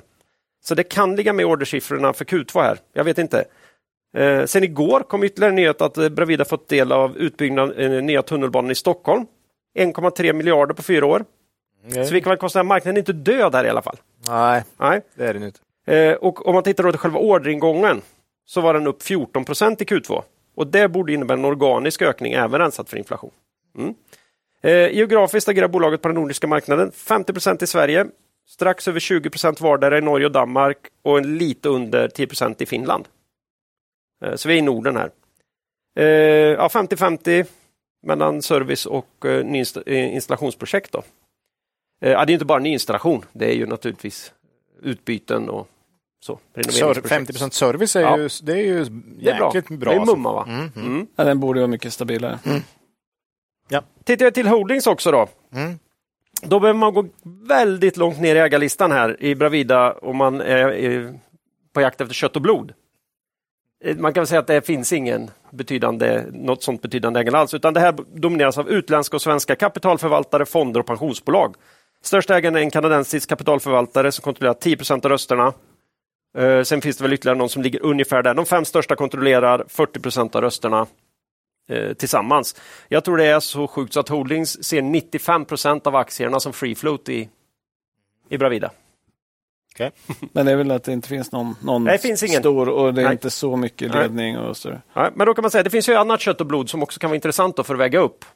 Och då kan vi ju hitta här också att eh, nuvarande VD Mattias Johansson, han äger cirka 740 000 aktier till ett värde av 60 miljoner. På- Och de här var nyss värda över 100 miljoner, så han kanske är sugen. Får, får de Ja, eller väldigt ledsen. Ja, men han är nog sugen att komma tillbaka dit. Ja. Även, eh, även förra eh, vdn, eller tidigare vdn Staffan Paulsson, han är styrelseledamot nu, äger 1,7 miljoner aktier här. Så pilotskolan är rejält påvriden i Bravida i alla fall. Mm, det är bra. Eh, ja, pudelns kärna här då. Ja, Hur ser vi på Bravida i dagsläget? Mm. Eh, vi har ju precis som i många andra bolag eh, lite svårt att följa med i marknadens resonemang här. Förväntar man sig marknaden att vinsten i bolaget ska komma ner så att det värderingsmässigt hamnar runt P20 Mm. där det här då har handlats de senaste ja, fyra, fem åren. Eh, För då ska vinsten nämligen halveras från dagens nivå för att det ska bli så. Ja. Mm. Eller tror man att eh, bolaget kan hålla uppe vinsten skapligt men att den inte är värd mer än- än typ lite mer än hälften nu då? Mot hur den värderades för ett år sedan. Ja, det är svåra frågor. Mm. Eller, Troligen är det eller mittemellan kanske. Eller mittemellan. Ja, det är väl mittemellan va? Som vanligt va? Det är väl en kombination här. Men mycket var ju orimligt högt värderat Mm. också 2021. Ja, Det, det, det måste man ju ändå säga. ja men så är det ju. Men det här, det, du sa ju att det här hade varit P20 i många år va? Ja, ja. Men, men P20 ja är lite sen svårt. 19. Ja, Okej, Okej. ja, ja, ja, Mm. okej. Mm. Men jag, jag har lite svårt att få ihop P20 med de här 5 tillväxt. Ja, 10 tillväxt har de ju. Ti- 10? Målet är ju 5. Målet, ju okej. också 10. Ja, Okej, mm. ja, ja. Men det är lite svårt tycker jag, för man har ändå satt målet på fem. alltså, är Ja. det den man kan förvänta sig? Det Ja. borde nästan vara den då. Ja, ja. Det är alltid konstigt med de här som avviker jättemycket från sina mål. ja den, den, är, den är jobbig.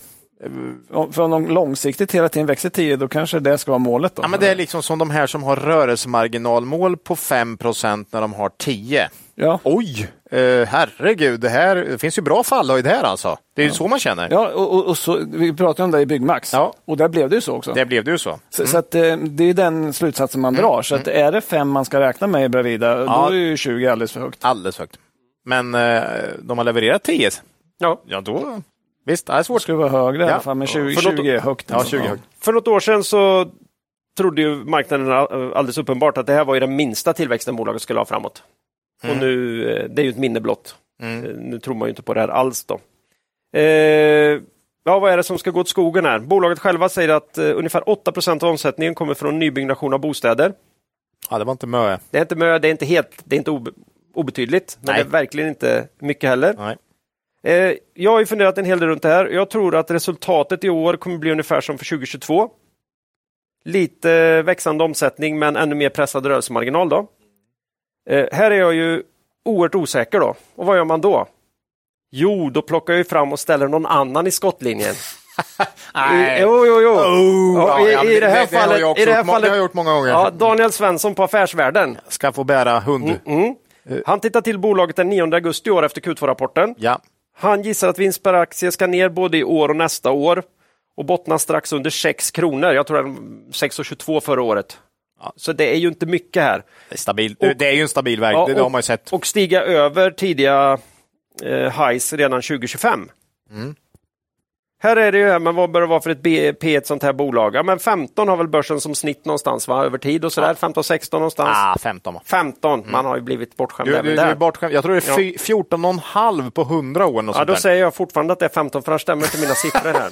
Nej, men det är med försiktiga prognoser här som Daniel har till exempel här så 20 procent handlas det under fair value just nu, Ja. bolaget. Mm. Eh, våran förväntan ligger helt i linje med affärsvärlden, även om vi, ja, om fördelningen här av vad tror omsättning och marginaler kanske skiljer sig lite. Vi vilar ju på hanen här eh, just nu när det gäller Bravida.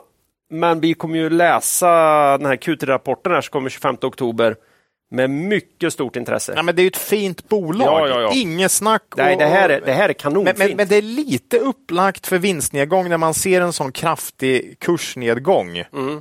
Faktiskt. Eh, marknaden brukar vara snabb på att ta ut lite tuffare tider framåt. N- Någon, någon, något- någon gemensam konsensus hamnar i det. Eh, Så att eh, det ligger väl lite vinstminskningar i korten, men som sagt kursen är ju ner rejält också. Ja, är, marginalutveckling och orderingången här är ju Ja. högintressant eh, Ja. tillsammans med, med nyanserna i vd-ordet här. mm. Vi äger en liten bevakningspost i Bravida i firman och jag har en liten skvätt i mitt pensionsspar. Jag vet Ja. inte hur ni har det där. nej, Nej, inga sådana. Ja. Men vi tog en liten bevakningspost i kul på jobbet-portföljen. Ja, vi tycker se- fint bolag alltså. ja. Får vi se om Mycket det spännande. blir ett riktigt innehav eller? Ja, inte riktigt där än. Ja, jag vill här på slutet också nämna eh, Bravidas noterade konkurrent Instalco, som många lyssnare har hört av sig om här. Eh, ungefär hälften så stort som Bravida i dagsläget. De har haft en väldigt snabb tillväxt, mer än dubbelt mot Bravidas på slutet. Bättre rörelsemarginal historiskt, även om de på slutet har börjat närma sig varandra just i den delen. Eh, tyvärr har ju de det här som vi har pratat så mycket om nu då, i andra vågskålen, en betydligt tuffare balansräkning och lite högre värdering. Okej. Så ja, vi kanske återkommer till dem framöver. Inte minst eh, då jag tycker den här branschen är jättespännande. Det är inte så ofta värderingarna är i härader här som vi överhuvudtaget tycker är intressant att titta närmare på. Så just nu så är det skoj, så att Det vi får se. ja, det är ändå intressant just det här att vi nu börjar titta på bolag som eller aktier som vi inte ens har tittat på på flera år. Och det är ju för att mycket har kommit ner. Ja. Det sista var väl lite en ursäkt för varför tittar jag inte på Instalco ja, jag istället. För jag tror många funderar på det. Men va- varför Då var- pratar de om Bravida? Instalco finns ju. Ja, och då sa du skuldsättning och lite högre värdering. Ja, men den är, de har ju också kommit ner något fruktansvärt. Ja, okej. Så det går nästan inte att skylla på det här. Skuldsättning, går alltid, Skuldsättningen- den, går, den går alltid att skylla på. Den skyller jag på. Ja. Du, du gjorde en perfekt övergång till nästa bolag. Ola. Okej. Ja. Utan att jag tänkte på det. Okej. Är det, det är dags för Garo nämligen. Ja, precis. Ja. Eh, Det här är ju ett hype- Bolag man inte trodde det var rimligt att höra i Kvalitetsaktiepodden. Ja, ja, men de har det varit är med. bra bolag, men varit Ja, men jag tänkte vi, dyrt. vi har ju alltid med värdering som en Ja, parameter. Det, det här är ju ett hypat elbilsladdningsbolag. Mm. Eller? eh, var med senast i avsnitt 19. Ja, precis. Det är Mm. över fem år sedan. Ja. Och varför?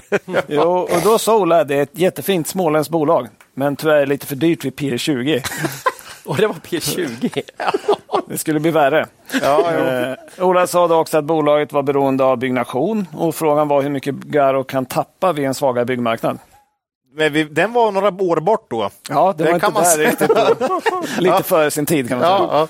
Ja, Eh, sa också att det var affärsområdet ladd som stod för 13 procent omsättning som växte mest. Och det är inte sån ladd som man läst om på vissa finansbolag, utan laddning av elbilar. ja. Eh, Avslutar med att eh, bolaget skulle följas men troligtvis inte köpas förrän i ett annat konjunkturläge. Är det där nu? Mhm. Det är fem år, det har hänt ganska mycket. Det blir lite mer omfattande genomgång än en vanlig rapportgenomgång. Då. Eh, Man har haft en anmärkningsvärd resa som noterat bolag. 16 mars 2016 noterades man till kurs 73, men justerar man för split så var det 14,60. Då. Man blev sen extremt populär i- när ladddelen eh, liksom gick som bäst och aktiekursen toppade på 248 kronor. ja, det här var ju 2021 då, ish. Ja, november där. 2021. No, november 2021, ja. Mm. Piken liksom. ja. Eh, och på toppen hade man ett P-tal på 80. För ett liksom byggrelaterat bolag. Det är på något sätt otroligt hur marknaden kan hamna där. Det, Men som, det, du, det som du pratade om var lite dyrt vid 20. jo, men, men Portabla jag, elcentraler. jag tror vi hade uppe Gar också som ett exempel och haft det vid flera tillfällen Ja, ja. om, om eh, värderingar som man inte förstår Ja. för överhuvudtaget. Taget. Nej, men Men i ett jättefint bolag. I ett jättefint bolag, ja. nej, men så är det.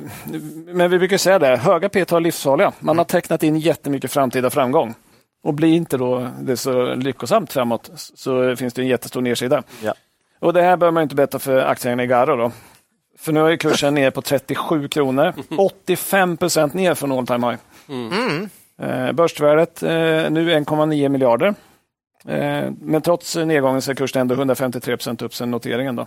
85 procent ner som toppen. Ja. Ja. jag förstår det. P80 alltså. Det, mm. Ja, det går inte när det sen vänder ner. Nej. Men nu är ju konjunkturläget ett helt annat. Då. Så kan det vara intressant att titta till det. Då. I bolagets tidigare rapporter pratar man väldigt mycket om byggmarknaden, som, som du var inne på förra gången. Eh, det är uppenbart att man gynnas av stark byggkonjunktur. Man har ju en bred palett av elprodukter, elcentraler, kabelskåp, ställverk, men även produkter för tillfälliga byggen, arbetsplatsbelysning, tork, värmefläktar och massa sådana saker som man ställer ut. Då.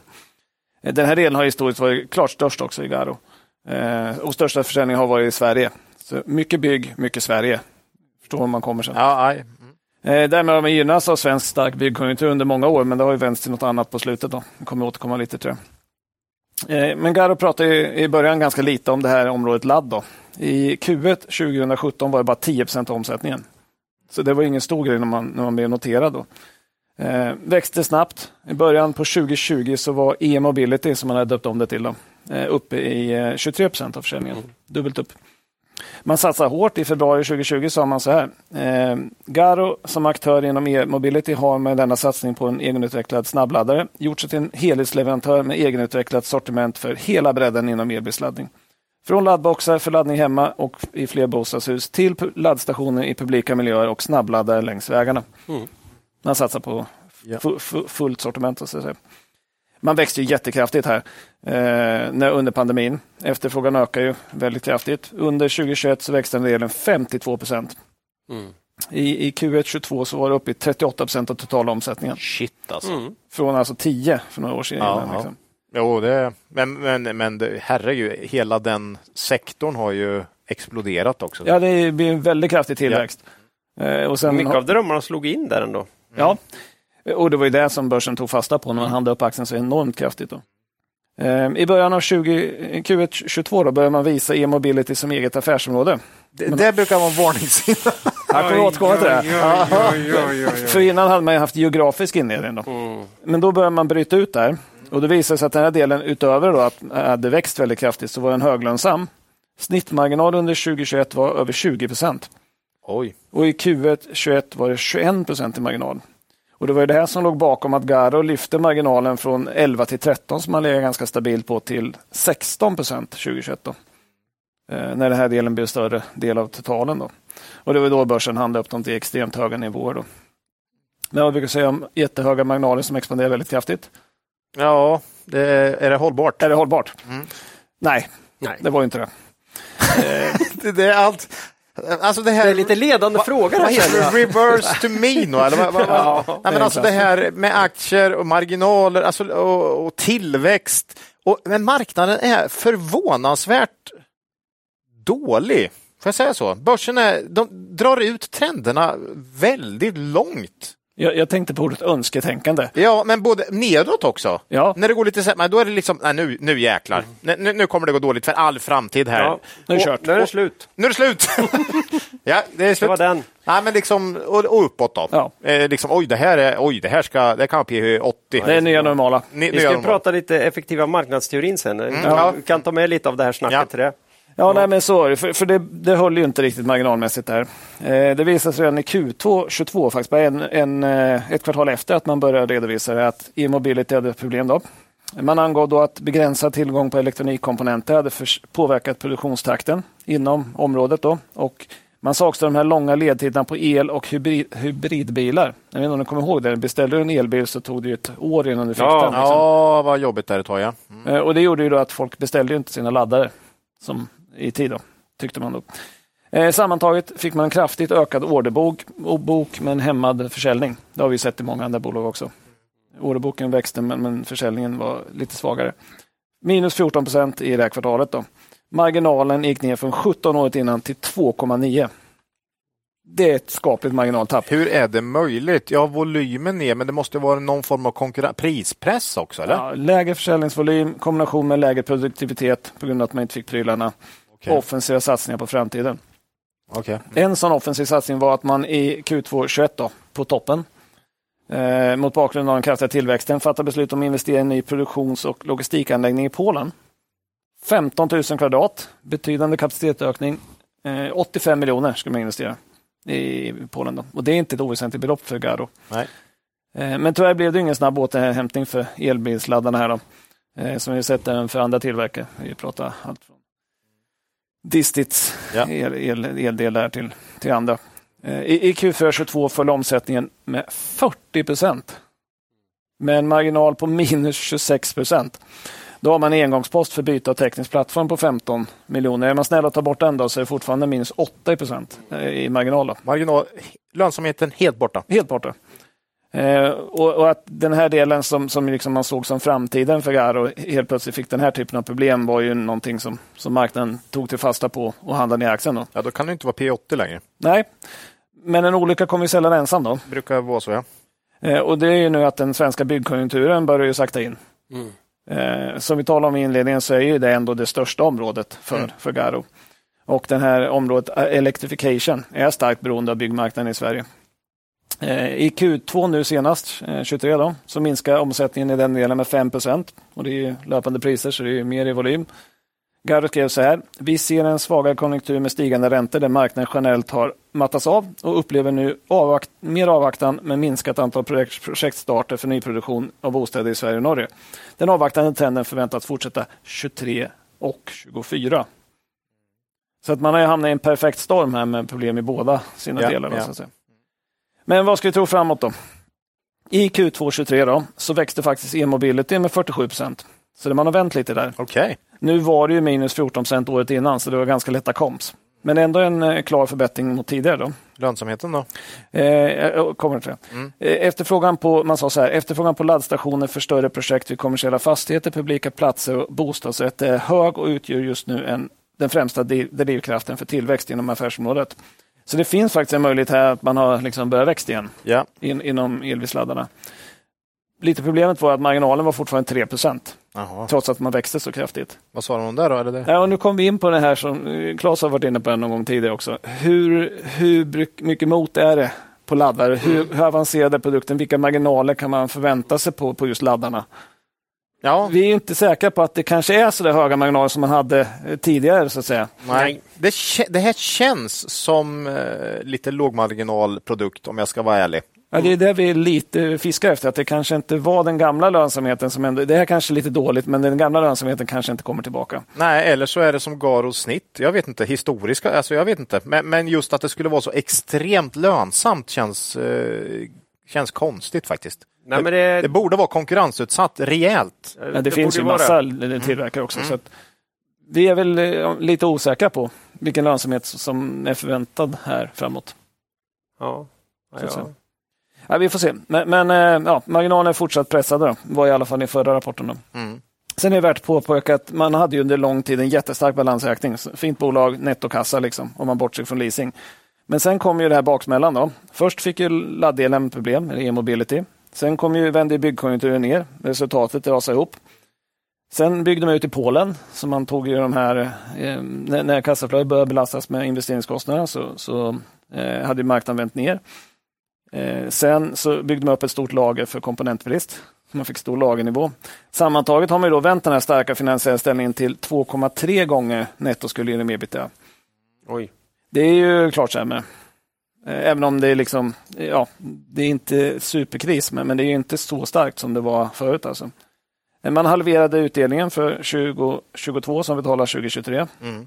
Man kanske, om man har varit lite mer förutseende, borde ha skrotat den helt faktiskt. Sen är resultatet pressat. Är, ja, men vi vet ju inte vilka marginaler man kommer få här. Vi tror att man kommer inte ha lika höga marginaler framåt som man kanske hade tidigare inom e-mobility. Eh, och värt att notera var att de här 16 procenten man hade 2021 ligger långt över målen på 10.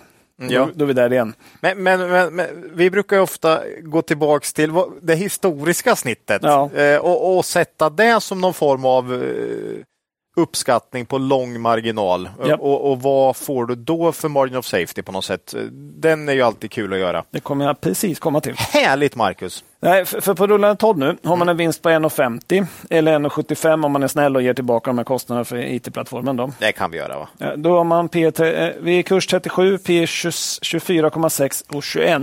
Ja, det är ju lägre än 80. Det är lägre än 80 men det är inte jättelågt. Fatta att det var 80! Ja, Men om man då gör precis det som du sa, ja. lägger sig på finansiella målet då, ja. då blir det P 2,1 eh, och P 17. Du ser! Så lite mer rimligt så. Eh, och det är mycket lägre än det snittet på 29, men snittet på 29 är ju Nej, men, ja, Man kan inte hålla sig i någonting som man inte tycker känns rimligt. Nej. Det, det är liksom inte rätt att sätta Ja, men det, köp det här bolaget, det har haft P 100, nu är det bara 50.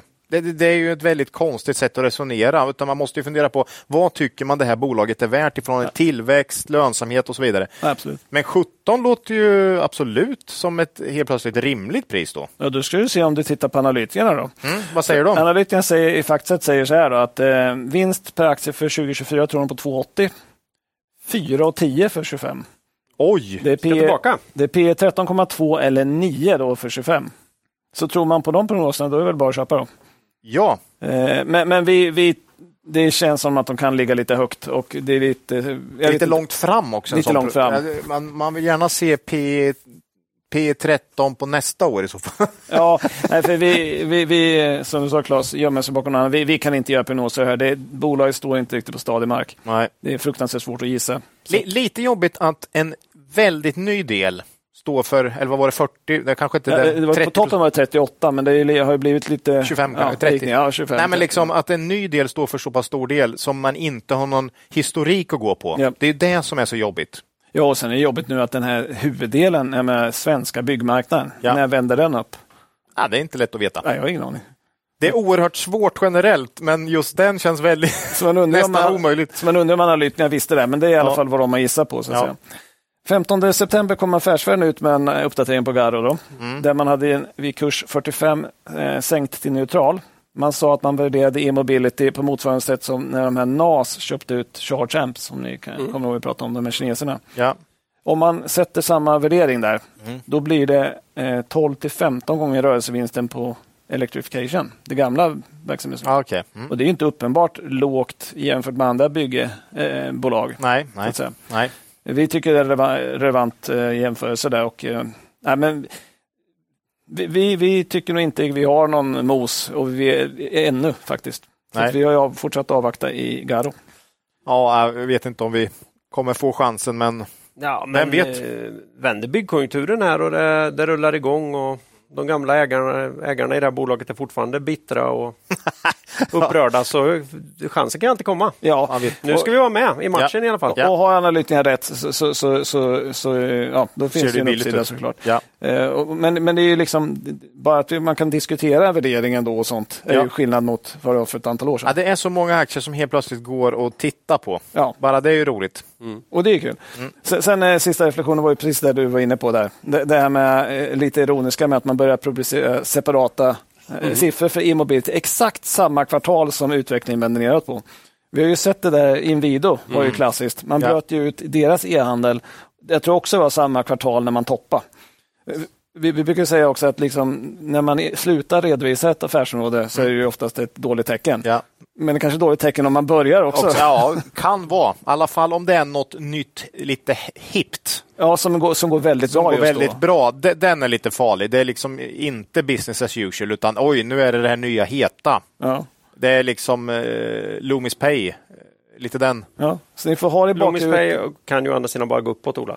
Ja, det är sant. Det är, sant, så att, ja. mm, mm, det, ja. det, är nästan omöjligt att tappa. Det är bra att börja på noll när man ska ha jämförelse. Nej, men det kan vara värt att hålla i bakhuvudet att inte bara när man slutar redovisa något utan när man börjar så ja. kan det vara mm. lite lurigt. Ja. Mm. Så. Men, men eh, ja, det var Garo. Vi så. avvaktar. Ja, Garo. Tack aktier. Garo. Spännande. Härligt. Eh, då har det blivit dags för Nordnet faktiskt. Ja. Eh, vi har ju en, som vanligt en hälsning från vår favorithandelsplattform och tillika årets bank Nordnet. De uppmärksammar just nu pension och det vill vi ju gärna haka på. Eh, pensionen det kan ju vara viktigaste sparande och glöms tyvärr bort lite grann av allt för många. Hur aktiv man kan vara i alla fall. Eh, vi har ju flyttat vår pension till Nordnet av två enkla anledningar. Inga onödiga avgifter. Mer pengar kvar, va? eller hur? Mm, det är bra. Det är bra. Det vill man ha. De har ju skippat allt vad onödiga avgifter heter. Det finns inga kapitalavgifter, skalavgifter, försäkringsavgifter eller sånt konstigt som man kanske betalar idag.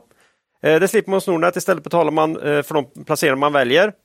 Courtage för aktier eller förvaltningsavgifter för fonder. Och eh, kostar inte mer bara för att de ligger i en pension utan det är precis som vanligt. Precis som vanligt.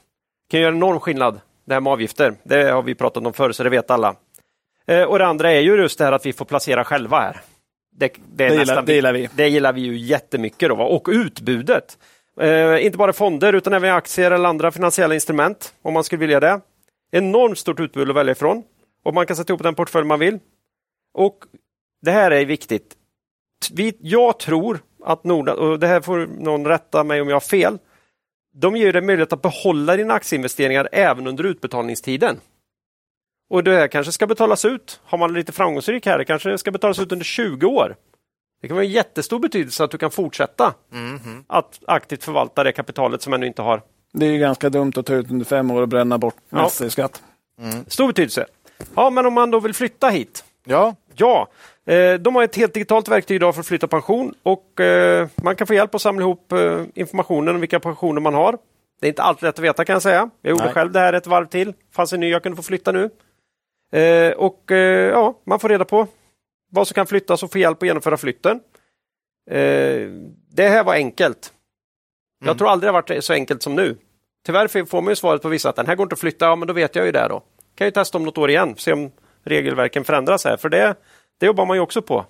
Ja, det var ju precis det jag tänkte ta upp. För det finns ju en kvar, en liten irriterande fråga kvar Ja. kring det här med flytta och gamla ja, pensioner från gamla arbetsgivare. Det är att de måste, gamla arbetsgivare ska godkänna flytten. Det är ju struligt ibland. Jag har en liten slatt kvar hos en gammal arbetsgivare där jag inte kan flytta den. Mm. För att de har någon, bestämt någonting sånt och skriver liksom inte på. Eh, här tycker jag Nordnets sparekonom Frida Bratt ska ha stor creds för att hon ständigt enträget jobbar för att få till bättre villkor. Mm. Heja Frida, säger jag. Ja, nej, här, och lycka till. här hoppas vi på lagändring. Ja. Eh, men vad kan man göra då? Jo, gå in på nordnet.se slash flytta pension och starta din egen pensionsflytt. Jag tror inte att man kommer ångra sig. Eh, och eh, när man gör det då, då ska man ju tänka på något och det är att börsen både ger och tar. Även om sparande i aktier och fonder gett historiskt god avkastning över tid finns inga garantier för framtida avkastning. Det finns risk att du inte får tillbaka de pengar du investerat. Tack säger vi till Nordnet. Mm. Pension där. Eh, nu är det en nykomling till. Så är det. det är otroligt. Ja. Det, det är så här innan rapportperioden drar Ja. igång. Då har man liksom tid att... Ja. Vi har ju försökt vara lite lustiga här då, för nu säger jag så här, nu lägger vi till lite fiber i kosten för alla ängsliga värdinvesterarmagar där ute. Ja, det är ju lite bästider här. Ja, Men frågan är om just Hexatronic höjer eller sänker stressnivån. Vad tror ni? Eh, ny, Hexatronic. Klas, Ja. om du hade sagt för två år sedan Att vi ha Nu, nu, nu, vad, vad, ska vi, vad ska vi köra i, i nästa veckas podd? Ja, jag tänker Garo Hexatronic. Det hade du inte tyckt Då hade var. jag tittat på dig och liksom tänkt, Nu vem är det som har klätt ut sig till Klas? Hade, hade jag gjort då. Eh, Vem är den mannen? vem är den mannen? Men, men, Men vi ska väl observera att det är inte jag som tar någon av de här bolagen nu heller. Nej, men, men, men, men det är lite kunnat. intressant Ja. hur börsen kan svänga. Ja, ja, ja. Ja, men så är det. Ja. Nej, men eh, häx... får man kalla dem häxan? Eller? Nej, det får man inte. Häxan det är ett spännande bolag. Det är ett fritt land. Ja. Nej, men det är, Hexatronic har ju nog varit det mest efterfrågade bolaget ändå de sista tre månaderna. Någonting. Sen det började gå ner ordentligt. Mm. Då säger alla ni måste ta Hexatronic och ni måste köpa det för det är superbilligt. Säger alla. Vad, säger, vad, vad säger du då, Marcus? Ja, vad säger vi? Det är spännande. Nej, men, eh, jag tänkte börja, alltså man måste nästan gå tillbaka till början lite grann också. Det är ganska intressant med, med Hexatronic för det är ett bolag som har varit noterat på alla svenska marknadsplatser. Jaha. Det är ganska ovanligt. Man noteras på NGM i juni 2008, flyttat till Aktietorget 2011, flyttat till First North 2014 och till Nasdaq 2015. Jag Snyggt. tror inte det finns jättemånga andra Har man bolag som har gått kört. small cap, mid cap, large cap också eller? Det är en bra fråga, det borde man ha gjort faktiskt. Det är fantastiskt. Och, och sen tillbaka till small cap nej, nej, det var jag Ja. taskig. Men, eh, Det kan bli så. Ja. Nej, men eh, man är ju large cap. Ja. Så att, eh, man har marknadsvärde på 7, 9 miljarder ungefär. Ja. Eh, Beskriver sig själv som att man skapar hållbara nätverk över hela världen, erbjuder ledande högklassiska klassiska fiberlösningar för alla tänkbara användningsområden. Eh, Det är nätens passiva infrastruktur, fiberoptisk kabel, dukt, det med plaster Mm. som man lägger kabeln i och kringutrustning. Då. Ma- Man måste nästan gå tillbaka ganska tidigt i historien för att gå igenom Hexatronic första gången. Så, så häll upp kaffet. eh, nej, men, eh, för det finns ett före och ett efter den 1 november 2013 för Hexatronic. Det är när man köper Ericssons telekomverksamhet rörande fiber och sjökabel i Hudiksvall. Innan var man ett jättelitet bolag. Ericsson hade i maj 2013 beslutat för att vi ska avveckla den här verksamheten. Det, det funkar liksom inte. Men parallellt så hade man letat externa köpare för att ta över det här och Hexatronic dök upp, dök upp som intresserad part. Jag gissar att det inte var supermånga tagare. Eh, för Hexatronic var ett väldigt litet bolag så det var nog förmodligen inte första tjing, tror jag. Nej. Eh, man eh, beslöt sig i alla fall att ta över det här. Eh, man betalar 48 miljoner för en verksamhet som omsatte 350. PS 014. Okay. Det är bra. Det, det är, det är ganska lågt. Om, om man kan få upp lönsamheten där så blir det väldigt bra. Ja, eh, och det, det, är lite likt det här Transtemas köp av Ericssons nätverksunderhållsdel som vi pratade om i eh, avsnitt 145. Men det här köpet var ännu förmånligare för Ericsson gav en kredit på köpskillingen. Så du behöver inte ut med några pengar direkt. Oj, eh, och man räknar med att betala av med genererade kassaflöden. Men utöver det så fick man också köpa lagret till 50-60% av värdet. Shit, Ericsson ville verkligen bli av med det här. Ja, alltså. men, men, eh, men, förmodligen inte sätta det liksom i konken utan låta folk behålla jobben och så. Mm. Men man var väldigt motiverad säljare kan vi kalla det. Ja. första kvartalet så hade man extra vinster på 10 miljoner på grund av det här. Då. Eh, 2014 omsättning 9 eller 700 procent upp. Rörelsemarginal från 1,4 procent till 10,9. Så det gick lite bättre då kan man säga. Eh, första året efter det här köpet. Då. Eh, marknaden gillade det. Kursen steg 1000 procent på något år efter affären. Oh, ja. Jag var ju ganska skeptisk då när det här presenterades för det kändes som hur bra kan verksamheten vara om Ericsson hade beslutat för att avveckla den. Någon som var ännu mer skeptisk då, det var ju Börspodden. I avsnitt 75 som jag lyssnade på som en del i researcharbetet. Då. När är det här ifrån? Ja, vet, ja, det kan man kolla. Jag vet, det är länge sedan. 2015? Ja, det måste vara 2015 då. Mm. Eh, någonstans där. Eh, de sa då eh, att de trodde marginallyftet hade påverkats av lagerrabatten. Det är rimligt att tro. Tveksamma till eh, marginalerna skulle vara hållbara eh, efter rabatten tog slut. Eh, tyckte det var svårt att följa bolagets kassaflöden och att redovisningen var rörig. Det kunde man hålla med om. Utfärda en säljrekommendation av gigantiska mått, som de uttryckte sig. Okay. Kursen stod då i 20 kronor, fast man gjort en split 5 till 1, så egentligen 4 kronor om man räknar om för det. Mm. Ett år senare hade marginalen fallit till 7,6 procent.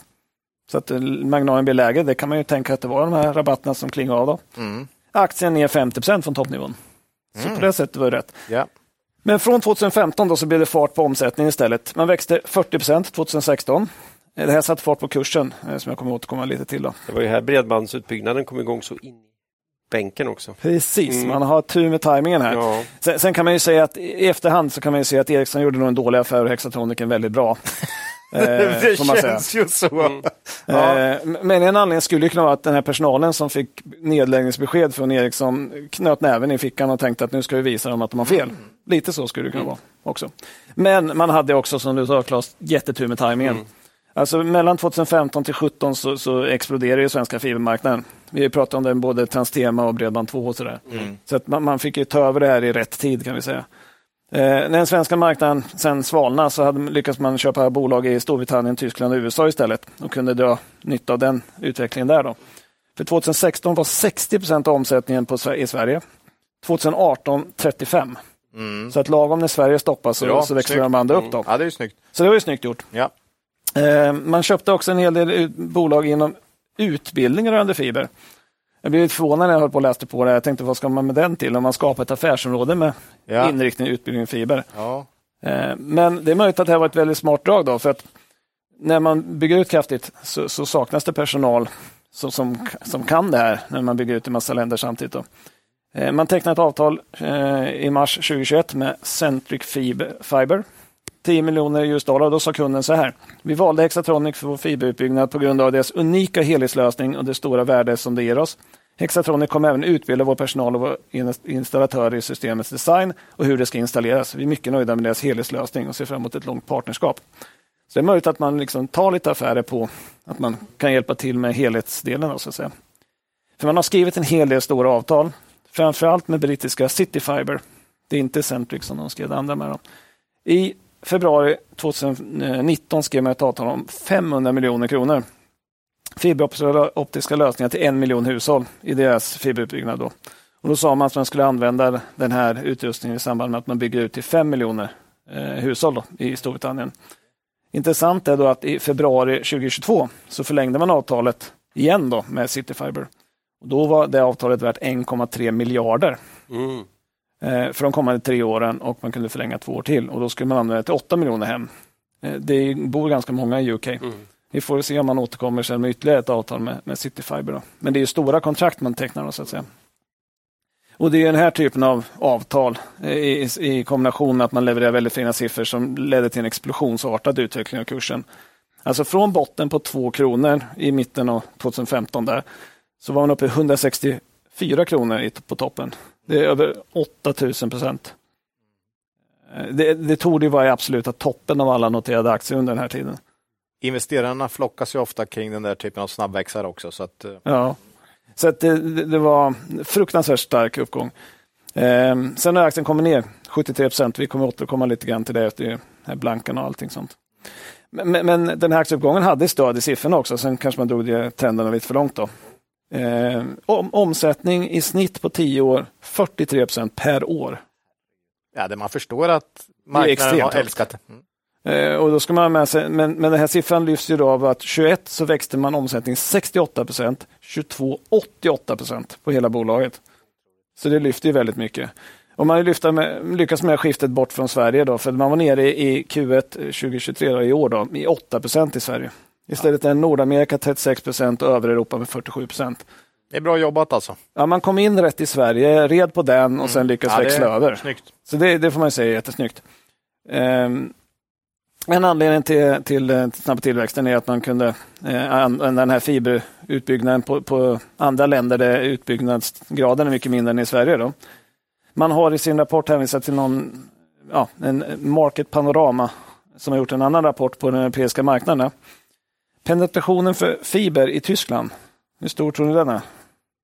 Det här borde Inte vi veta eftersom vi har pratat Waystream. Jag tror att den är 15 procent. Det är ingen jättedålig gissning, 7. Och fy, det är Sju. lågt. Det är lågt. Storbritannien 11. EU-snitt 49 och Sverige 67,5. Så det är en enorm skillnad Herregud. i utbyggnaden. Eh, och det är ju rimligt att tro att liksom, det är stora länder som ligger efter Sverige kommer ändå satsa på att bygga ut fiber. Ja. Sen har de ju extremt långt kvar. då. I USA har ju president Joe Biden lagt fram en bredbandssatsning på 42 miljarder dollar. Det är alltid stora tal där borta i mm. staterna investera i höghastighetsinternet. Då. Ehm, och det, så det finns ju många faktorer som gör att man kan tro att den här fibermarknaden kommer växa kraftigt under ganska många år. Då, så att ja.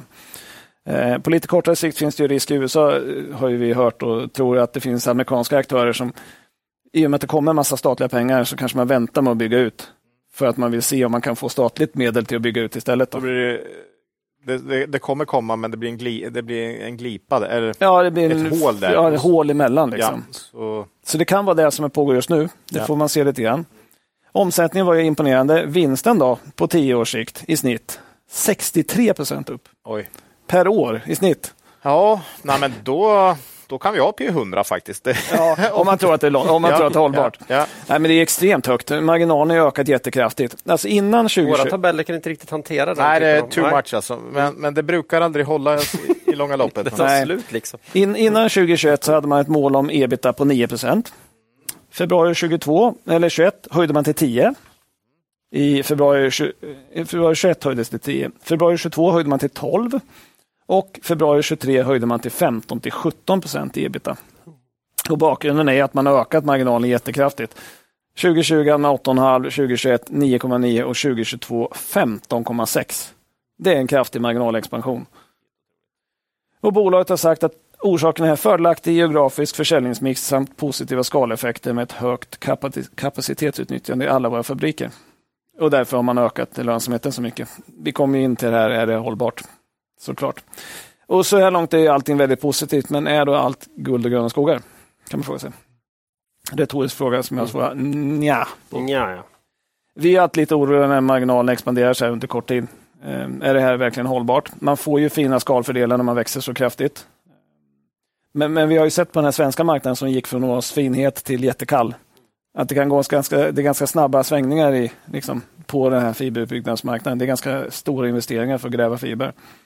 Ehm, I Q1 så varnar vd för att marknaden för fiberutbyggnad påverkas av ökad inflation och finansieringskostnader.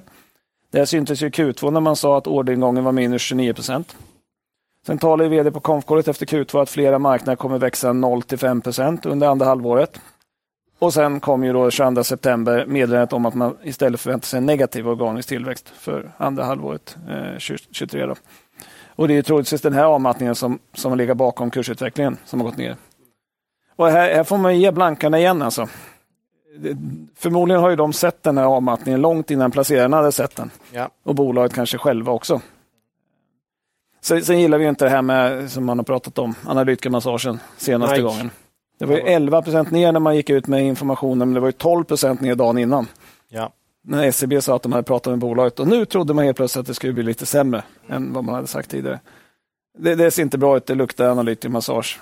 Eh, Det gillar vi inte. Sen har vi några saker vi inte gillar med informationsgivningen också. Det första är företagsförvärv. Från 2020 så gjorde man sex förvärv där man säger att man eh, har förvärvat någonting men har inget betydande påverkan på intäkterna eller lönsamheten. Och då ger man inte ens bolagets omsättning. Du vet ingenting med Vet andra ingenting. Nej.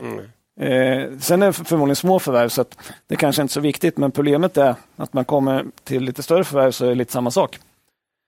Man köpte amerikanska Rochester Cable i oktober 22 för 55 miljoner US-dollar. Det är ju en bit över en halv miljard. Så det är inget litet förvärv. Eh, uppgift om förväntad standalone, eh, förväntad proforma standalone ebitda. Det, det, det är inte heller vårt favorit, eh, favoritmått kanske. Lite jobbigt ja. 8 miljoner US-dollar. Ingen uppgift om historisk omsättning, ingen uppgift om marginalerna som bolaget haft tidigare. I november 22 köper man koreanska Keynet för 660 miljoner. Det är också stort. Uppgift om förväntad ebitda framåt. Till och med vilken e resultat, vinst per aktie ska öka med 0,26 då. Ingen omsättning, ingen historisk omsättning, inga historiska marginaler. Köper Fibron BX för 440 miljoner i, i juni 2023. Bara info om förväntad ebitda framåt och ebitda 2022, men ingen annan omsättning. Ingen omsättning, inga marginaler, ingen liknande sånt för att bedöma bolaget. Och Då kan man säga så här, en gång är en gång, men det här är massor med gånger. Eh, Det, det, det, är- det är dålig informationsgivning. Det är inget bra förtroende Nej. för, för bolaget när de säger ni får lita på oss, framåt ska det bli så här, men vi tänker inte berätta hur det här bolaget har presterat förut. Nej. Positiva tolkningen, de är bara dåliga på informationsgivning. Det negativa är att det är något som man, och kanske blankarna tar fasta på att det finns något man inte vill informera om. Ja, det är ju ännu värre. Sen- i, i delårsrapporter efter så kommer viss information om omsättningsresultat. Då kan man säga så varför hade ni inte med det då direkt? Mm. Eh, Men jag kan notera att Rochester då i Q1-rapporten i år, eh, då sa man så att om det hade konsoliderats 1 januari så hade det bidragit med en omsättning på 111 miljoner och ebitda på 3. Det är inte superbra marginaler kan man säga. Men jag tänkte följa upp det här i Q2 då och se hur har det gått nu då. De har exakt samma förvärvskalkyl, men man har tagit bort just informationen om omsättning och resultat. Ska vi gissa på att Q2 inte var superbra för Rochester? Eller? Jobbigt. Jobbigt. Ja, Ja, jag tror det var jättesvagt. Så Ja. det var det. Det var, var, var, informationsgivning. var informa- ja, information om förvärv. Sen är orderboken då. VD säger i kvartalsrapporten om orderboken har förändrats, till exempel 45 procent högre än förra året. Men inga siffror. Det det ganska svårt att hänga med liksom, på vad, vad, alltså, hur, hur såg förväntningen ut. Då. Inga nominella tal. Ehm, andra bolag gör ju det. Man har ju tabeller oftast med, med, med, Ja, med, med siffrorna. Och under hela 2021 och 2022 så växte orderboken jättekraftigt, ofta över 100 procent per kvartal. Det var ju liksom det som också drev på kursen. Eh, man talar om en stark orderbok, ingen avmattning syntes i orderingången, sa man ofta. I Q1 23 då, när orderboken bara växte 21 procent, då sa man plötsligt att nej, men det här beror ju på att orderboken växte så kraftigt under tidigare år för att de här långa leveranstiderna orsakar ju störningar i leveranskedjorna.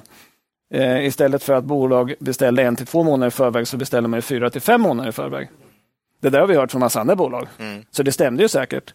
Men varför kommer den förklaringen bara när det har gått sämre? Men det är ju, det är ju typiskt. Ja, Mm. för det skulle man ju ha sagt när, när liksom det drog iväg i orderboken. Ja. Eh, så det är inte så förtroendegivande tycker jag. På samma tema, eh, i Sverige i Q2 så minskar försäljningen eh, med 28 procent. Och då sa man så här, det beror på att vi hade ett fåtal stora projekt förra året, så vi hade väldigt svåra jämförelsetal.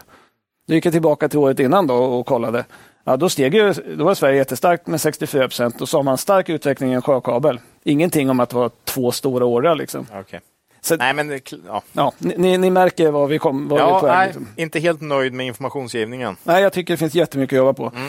Och sen är det här med blankarna. Vi är generellt försiktiga med bolag som är väldigt blankade. Eh, Mm. Hur, vår- hur stor procent? Har du koll på det? ja, det är över- nästan 11 procent. Okej, fortfarande. Ja, eh, Okej. i alla fall när jag tittar på det här, det är någon vecka sedan. Eh, jag menar, vi, vi, vår generella åsikt kring blanka är att ändå, de har ju de, de har mycket att förlora på att ha fel. För, för att Och obegränsat... de måste ha rätt fort. Ja. Det är skillnad. Vi, är man lång så kan man ju köpa en aktie Mm. och vänta. Du har ju ingen ränta. Ofta har ju vi bra bolag med utdelning med. Du Ja. får ju liksom en utdelning under tiden du väntar också. blankarna måste göra rätt fort för det drar ju ränta för dem hela Ja, tiden. det kostar ju Det kostar lånet. ju. Och, och, och de har obegränsad nedsida om de har fel. Ja, Så vår bild är att de gör en ganska eh, ordentlig analys. Och då skickar en del in till oss och säger, ja men Viceroy är tomtar, liksom. kolla hur han uttrycker sig, han är en gammal socialarbetare. Mm. Ni missar ju poängen. Det är ju inte Viceroy som ligger bakom alla de här blankningarna. nej. Det finns ju massor med andra firmor som är mycket mer avancerade som ligger liksom bakom där. Och, och det, vi, vi är ju lite försiktiga. Nu, vet, nu har de inte släppt någon rapport så det går ju inte att veta exakt vad de, vad de går på. Men förmodligen var ju den här avmattningen på marknaden en stor sak. Mm. Den har man ju fått nu så det är frågan, liksom, är man nöjda nu och börjar täcka? Det, Ja, man vet inte kanske. Kommer kolla. Och kursen är ner 73 procent. Så- Om det är någon, ja. Samtidigt så eh, ibland flockas ju blankarna. Det, det blir bara mer och mer desto mer kursen går ner på något Ja. sätt för då vittrar man blod på något sätt. ja, nej, så, Eh, lite SBB. ja, precis. Och, och sen, så, så, man, man var ju tveksam till förvärven och sa att de inte hade levererat. Eh, och vi är också tveksamma till informationsgivningen om förvärven. Då. Ja. Samtidigt igen så, så förvärven är inte så superstora. Det är inte ett stort förvärv som kan ha gått snett. Nej. Så det är san- osannolikt att alla har gått jättedåligt. Ja, säga. Tittar man på balansräkningen då, för det är ju den klassiska. Den är viktig här tycker jag. Ja. Mm. Nettskulden ebitda 1,2 utan leasing, 1,5 ink leasing. Ah, Okej, men då borde inte den vara... Det är inte så farligt, Nej. men marginalerna är på supernivå. Ah, Okej, så blir det Dustin här. Ja, det är precis det som är grejen. Okej. Om marginalerna faller tillbaka till någon sorts lite mer historiskt snitt, Då kan det bli lite jobbigt. Ja. då kan balansräkningen faktiskt och skuldrelationen kommer se lite mer Mm. Eh, oroande ut. Nu sa man ju här när man hade den här informationen efter den här misstänkta analytikermassagen att, att marginalen skulle vara 15 till 17 procent under resten av året. Ja. Men vad händer nästa år? Om, om, liksom, om, omsä- om, om det nu är så att man har skalfördelar för att man växer så snabbt och ökar om, eh, liksom, marginalerna så mycket och så växer omsättningen inte så starkt. Finns det risk att komma tillbaka till gamla marginaler då? För tittar vi på värderingen då. Aktien 43 kronor ungefär. Nu, nu gjorde det här. Eh, rullande 12 har man en vinst per aktie på 4,55. Om man rensar för en omvärdering av en tilläggsköpeskilling i Q3 22. Det är P 9,5. Oj, Alltså man har ett snitt ja, det på var inte högt. Ett snitt på 27 på tioårssnitt. Ja. Och, och vi hörde ju tidigare hur mycket de har växt. Mm. Eh, så det är enormt mycket lägre. Oj. Sen är det jättesvårt att gissa hur framåt såklart och vi vågar inte ge oss på en prognos här heller. Så vi igen har vi lutat oss mot, mot, eh, mot Factset. Så. Eh, då säger de från den 4 oktober sa de att de trodde på en vinst per aktie för i år 4,63 då, P9. 24 tror man på 5,44, P8. För 25 om man drar ut det dit så tror man på 5,60 5,50 6,56. P 6,5. Det är ett fynd om det där slår in. Man kan ju säga så här, någon har ju fel. Ja, antingen är det marknaden eller så är det analytikerna. Ja, 100 procent. Båda kan omöjligtvis ha rätt i det här ja. läget. Ja. Eh, Så det ska bli fruktansvärt intressant att, att se vem det är som har rätt. Ja. Eh, Men, Det- men, ja. Det jobbiga för oss här är ju att man vill ju ha det här, men, men vad är det normala här? Och det blir ju så extremt svårt i bolag som har vuxit så fruktansvärt snabbt. Ja. För vi vet att sådana tillväxttal inte är uthålligt. Så, så vad blir då det man ska gissa på här? Det, blir- istället för ett bolag som har tuffat på med 8% i tillväxt i 40 år. Och när marginalerna expanderat så kraftigt som de gjort. Claes var Ja. inne på Bravida med svinstabila marginaler under det blir lång tid. alltså, det, det här blir så oerhört svårt. Vad är det som är det normala här? Och vad, så vad, man, vad kan man räkna på framåt? Det är Ja. oerhört svårt alltså. Och då brukar vi göra så här, du behöver inte slå på alla bollar. Nej. Vi väljer att avvakta och stå vid sidan av och titta på. Mm. Och det är framförallt för att vi är osäkra på det marginallyftet. Är det bestående? Liksom, kan skalfördelarna komma tillbaka om det saktar in? Eh, Men sen gillar vi inte de här informationsgivningarna. Vi tycker det finns väldigt stor förbättringspotential som man brukar säga också. Men frågan är, är det det blankarna har? Riktigt? Jag vet inte. Nej. Jag, jag tror främst att det var det här med att man såg... eh, Fiber. Det, det är en massa amerikanska aktörer också. Ja. Förmodligen såg de bättre att det stannade in på den amerikanska marknaden än vad, vad de svenska aktörerna gjorde. Ja, ja, ja. Men, men som sagt, slår analytikernas prognoser in så, så ser det ju Ja, svinbilligt ut ja, såklart. Garanterat bra köp. Ja, så, så att det, det, det är svårt. Men, men som vi sa, vi, vi, vi slår inte på alla bollar. När det blir för svårt så ställer vi oss bredvid istället. Och det Ja. kanske blir så att det studsar jättemycket och då får du väl göra det. Mm. Eh, Men vi avvaktar, vi har inga aktier i Exatronic i Nej. dagsläget. Nej, inget. Men nu har vi i alla fall gått igenom dem. Spännande Marcus. Ja, kanske vi kommer tillbaka så småningom och se lite hur det Vem vet? går. Hur det går. Jaha, Och det blev. eh, ett bolag kvar då, är ett, ett bolag som vi har pratat om förut. Då, för, det blåser rejält på börsen. Och vad kan då vara tryggare än att grabba tag i en rejäl finne? Ja, det är ju alltid bra. Eller hur? Ja. Men vad tycker börsen om den här, just den här finnen i dagsläget? Det är Scanfil vi ska ta upp här, senast 100, avsnitt 138. ja, det här är ju ett bolag, eller en aktie ska jag säga, som faktiskt jag vet inte, har rört på sig ganska mycket trots en stabil underliggande verksamhet. Mm. Inte ja, helt ovanligt men... Nej, eh, nej, men vi har faktiskt förvånats över just eh, de extremt stora ner och uppgångarna i, ska, i, i Scanfil-aktien trots underliggande ganska stabila siffror. Den trendar väldigt mycket. För det här är ju liksom. inte Hexatronic.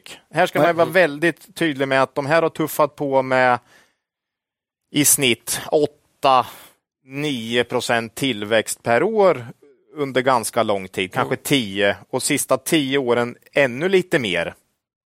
Men, men, mm. men, det här är liksom ett ganska stabilt bolag. Man har höjt eller man har inte sänkt utdelningen så länge man har historik och ganska stabila marginaler. så, så, det är ingen häx, utan du har ändå en historik att hålla dig i, men ändå har börsen väldigt svårt att säga vad det här är värt. Yep. Eh, senast vi pratade Scanfil, det var faktiskt du Marcus som hade uppe det här i mars. Japp. Eh, avsnitt 138 då. Men det har också varit med i dina nyhetssvep här sedan dess. Japp.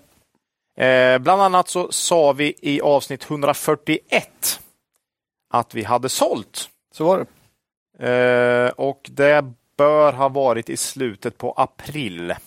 Då tyckte vi att aktien kändes rimligt värderat på kurs cirka 10 euro. Mm.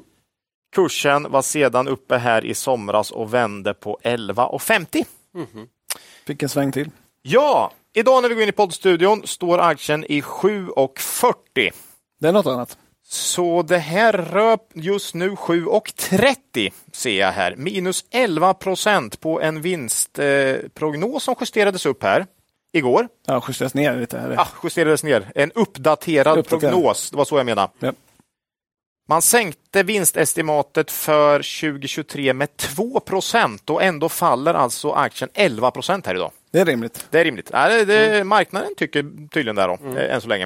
Eh, sedan i mars då, sen vi hade uppe dem sist, så har Scanfil släppt två väldigt bra rapporter ska man säga och höjt sin outlook, outlook för 2023 i två omgångar ganska rejält.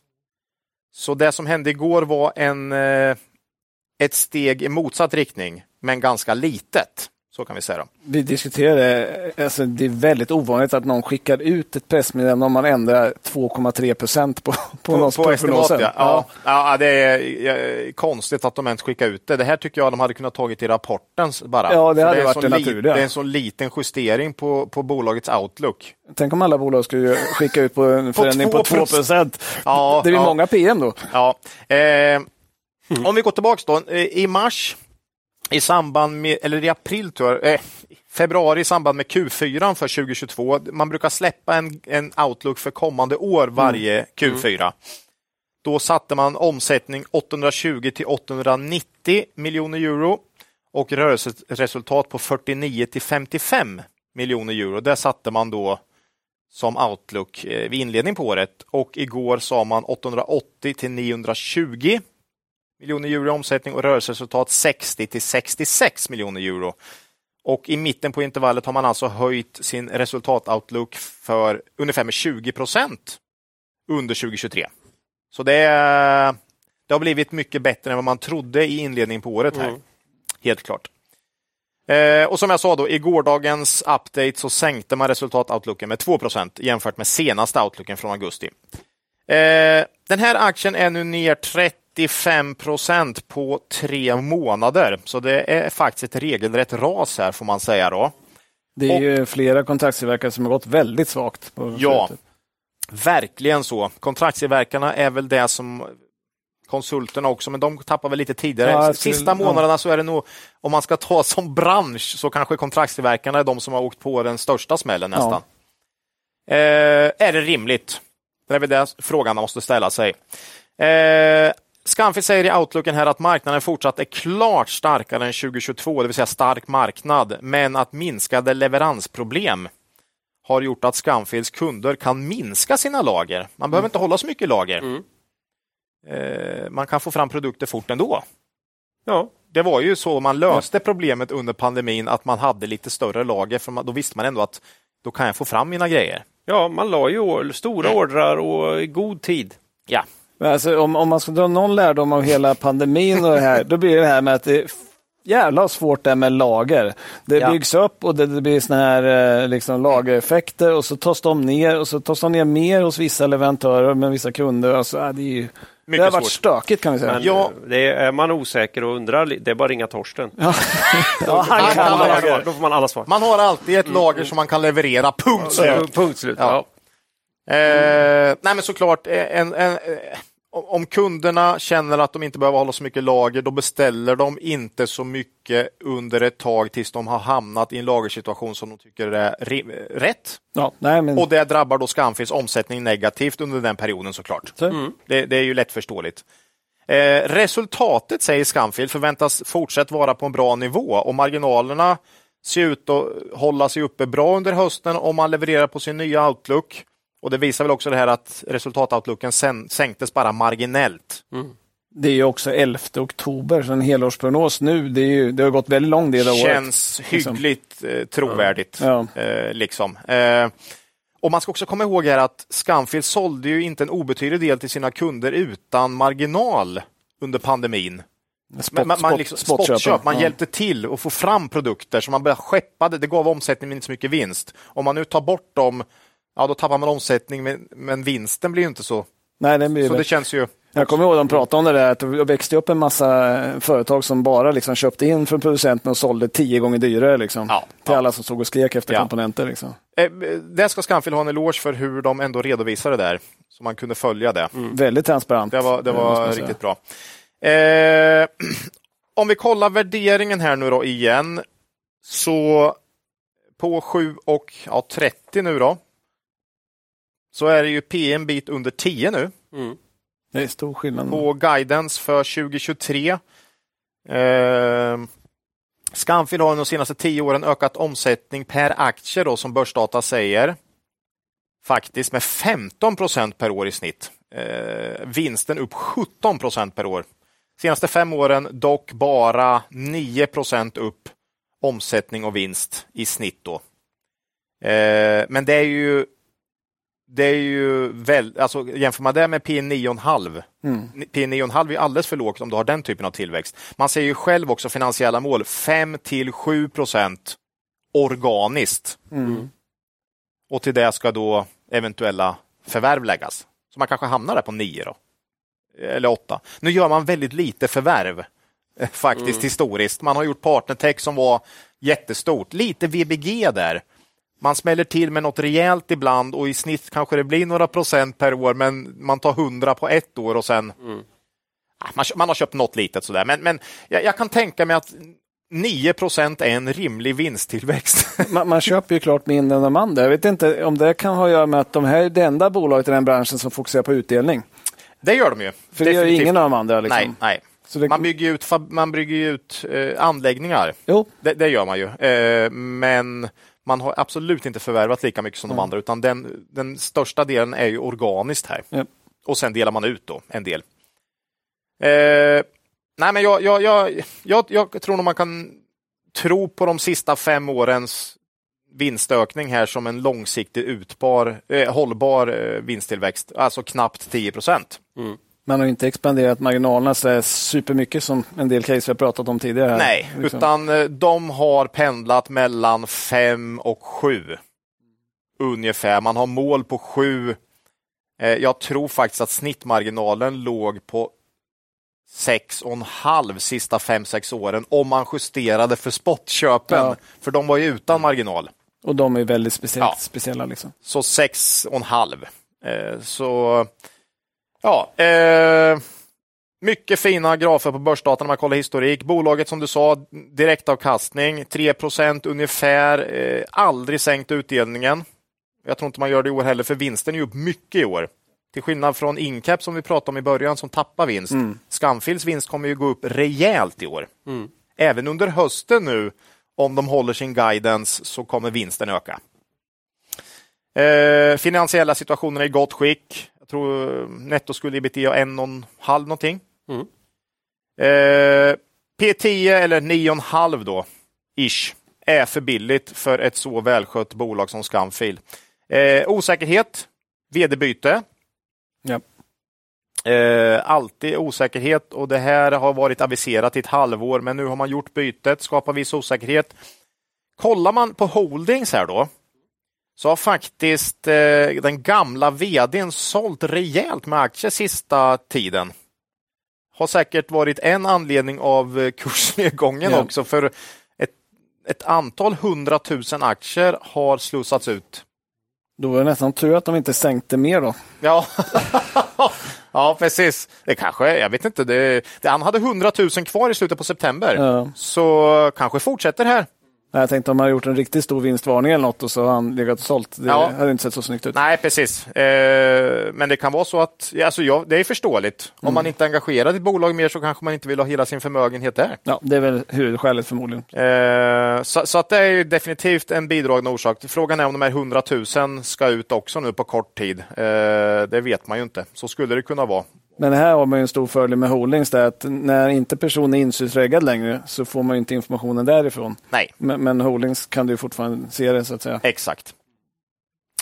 Eh, om vi ändå är inne på holdings. En annan intressant grej med Scamfil. Fondägandet här är ju i princip obefintligt. Det är lite konstigt. Det är 5 miljarder i, i SEK. Ja. Inverterat mot Bravida här då. Ja, i börsvärde. Det är bara finska privatnamn här på listan i stort sett. Och ganska många som är släkt liksom. Så. Eh, Men, men liksom väldigt lite institutionellt ägande. Jag vet inte hur jag ska tolka det riktigt. Har de inte hittat dit? Vågar de inte? Får de inte? Ja, det är klart, det, är upp, det, går ju att köpa över börsen om de vill. Det är ju ett vanligt industriföretag. Ja. Så det, För mig känns det mer som en potentiell uppsida om, om men jag, vet, ja, jag, jag har lite dålig koll. Min gissning är att det, det vet säkert Inderes, om de, de kommer säkert skicka in det till oss. Men- Ja. Men det känns som det finska fondägandet kanske inte är lika stort som det svenska fondägandet. Så det finns inte lika, mycket, lika många fonder Nej. som investerar på samma sätt som i Sverige. Ja. Bravida har ju, det finns ju jättemycket fonder i Sverige. Mm. Det kan ju vara så att det inte är lika spritt i Finland och därför så finns det inte lika mycket fonder som kan köpa in sig. Precis. Men det ser lite konstigt ut. Väldigt konstigt. Också intressant. Ja. Eh, man får ju säga det som du sa här också. Det är inte bara Skamfil som har åkt på en smäll kurs, eh, kursmässigt här. Eh, alla kontraktstillverkarna, även de här EMS-bolagen som man brukar kalla dem, Electronics Manufacturing Services, har ju åkt på rejäla smällar här. Eh, kurs, kursgraferna i Note, Kitron med flera ser ju väldigt lika ut. Ja. Det är liksom en sektor här som börsen har sänkt ganska rakt över. Mm. Eh, lite innan det verkligen har börjat synas i resultaten. Mm. Eh, Scanfils vinstuppjustering, eller vi, vinstuppdatering Mm. igår gjorde mig ganska glad. Jag kände när Incap kom, då, då blev man direkt Ja. lite, men jag tyckte det här var väldigt modest. Skön, bra liksom. Men som sagt, nu börsen ändå sänker den 11 procent här idag. Eh, jag tycker Scanfil bör ha eh, ett P tal klart över 9,5 i alla fall. Mm. Eh, vi tror på en ganska stark underliggande långsiktig trend i de här EMS-bolagen. Med tanke på elektrifiering och homeshoring. Högre ränteläge borde väl också göra bolag att de inte vill investera. Är det inte lite mer kapitalsnålt att lägga ut en del av? Jo, Jag tycker det också borde vara Ja, ett, en bättre grej. Nej, förväntan här är väl att nu, nu ska industrin ner också. Jo, det, precis. Och, och dilemmat här är väl ytterligare en gång, jag vet inte hur många gånger jag har sagt det här sista halvåret. Låg värdering, även på snittmarginal nu då, Mm. står står mot lite sämre vinstutveckling på kort sikt här. För nu är det ju många som tror, börsen kanske har rätt här. Vi ska ner 2024. Vem vet? Det, ska vi få se alla i Q3-rapporten Ja. nu för kontraktstillverkarna. Börsen har ju tagit ut det i förskott. Men vi har ju sagt det tidigare också, vi är alltid lite oroliga när, när en hel bransch sänks där så brukar börsen ofta ganska ha mycket på fötterna. Ja. Och, och de kanske har sett den här lager Ja, eller vad det nu är. Liksom. uppbyggnaden som, som man, om man tänker att ja, det där kommer drabba dem när det händer och nu händer det. det var ju liksom konsulterna. Börsen var ju väldigt tidigt Ja. ute att ta ut det där. Precis. Så att man ska vara lite försiktig när börsen sänker en hel sektor. Mm. För då, många gånger har marknaden kollektivt ändå ganska bra koll. Eh, ja, Scanfil är ett bolag som jag tycker bör värderas till P 14-15 med tanke på historiken, stabiliteten och den potential som bör finnas inom den här sektorn på längre sikt. Eh, vi sålde på 10 som vi sa. Nej, men liksom, vi har inte ändrat vår syn på Scanfil oavsett om den har stått i 5 spänn här, 11,5 eller nu 7,30. Det är sam- vi har haft samma syn hela tiden. Alltså, Det är bara det att kursen varierar från 5 till 11. Jag, jag, liksom, De långa delarna i vårt ark har inte ändrat mycket på. Så. Nej, vi har, sam, vi har haft samma hela tiden. Men nu helt plötsligt så är det bra margin of safety här för oss. Det är, liksom, det är bara kursen som ändras känns det som. Eh, jag är jätteförvånad över dagens nedgång. Eh, men självklart kan aktien gå ner mer. Herregud vad vi har sett det här på slutet när kurstrender börjar etableras. Vi har inga fonder här som vi sa. Nej. Eh, Det kanske är privat, jag vet inte. Men, men, och, och dessutom, man ska ha respekt för det här. Vinstuppjusteringar under många kvartal. Nu en nedjustering.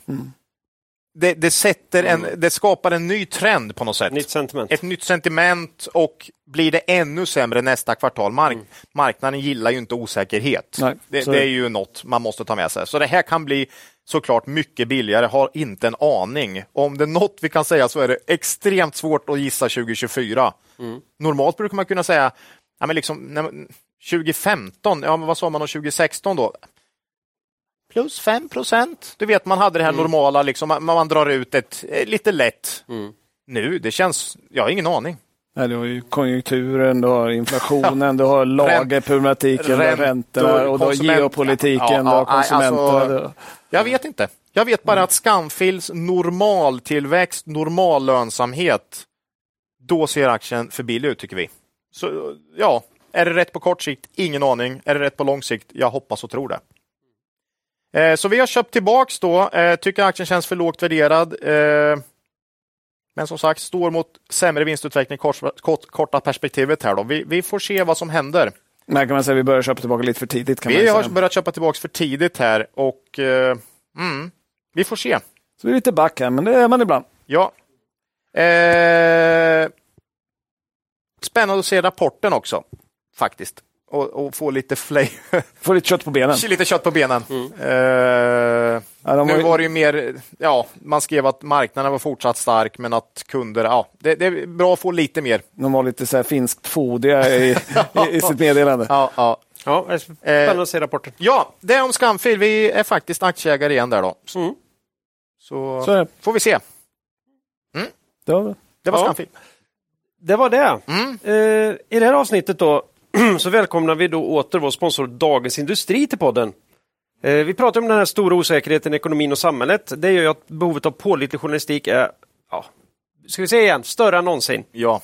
Eh, kan man dessutom få, som på det, få de här nyheterna och reportagen i en välskriven, granskande och förklarande form är det ju ett stort plus. Eh, alla vi i podden läser dagligen Dagens Industri via DE Digital, eh, både enskilda artiklar och analyser. Eh, här händer ju även att man eh, faktiskt plockar av tidningen i sin helhet. Ja, absolut. Mm. Ja, det gör jag alltid. Ja. Eh, och eh, Marcus, har du hittat något som fångat ditt intresse lite extra på senaste? ja, men vi tog ju upp i Aktuellt-delen här i, idag.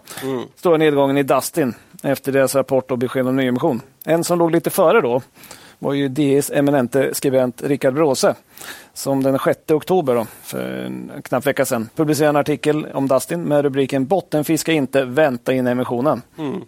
Där gick han igenom eh, bolagets finansiella situation. Eh, det tycker jag man kan läsa om man är intresserad av bolaget. Eh, och han konstaterade att det kommer krävas en emission. Det går ju inte att säga annat än att artikeln var on point. säga, Ja, den, efter dagens händelse. Ja. Eh, nej, men vi, vi tycker nog att en prenumeration på det är värd att betala endast bara på Bråses artiklar. och sen Ja. får man ju en massa annat bra på köpet Ja. också. Precis. ja, den är fantastisk. Ja, ja. Ja, jag har ju själv uppskattat den här rappa och nyanserade rapporteringen runt insiderhärvan in- på Nasdaq.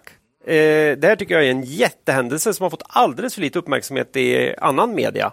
Och det är väl för att det är svårt att skriva om, men här har ju liksom DI, DI-skribenter har ju den kompetensen som krävs för att verkligen kunna rapportera om det här på ett nyanserat sätt.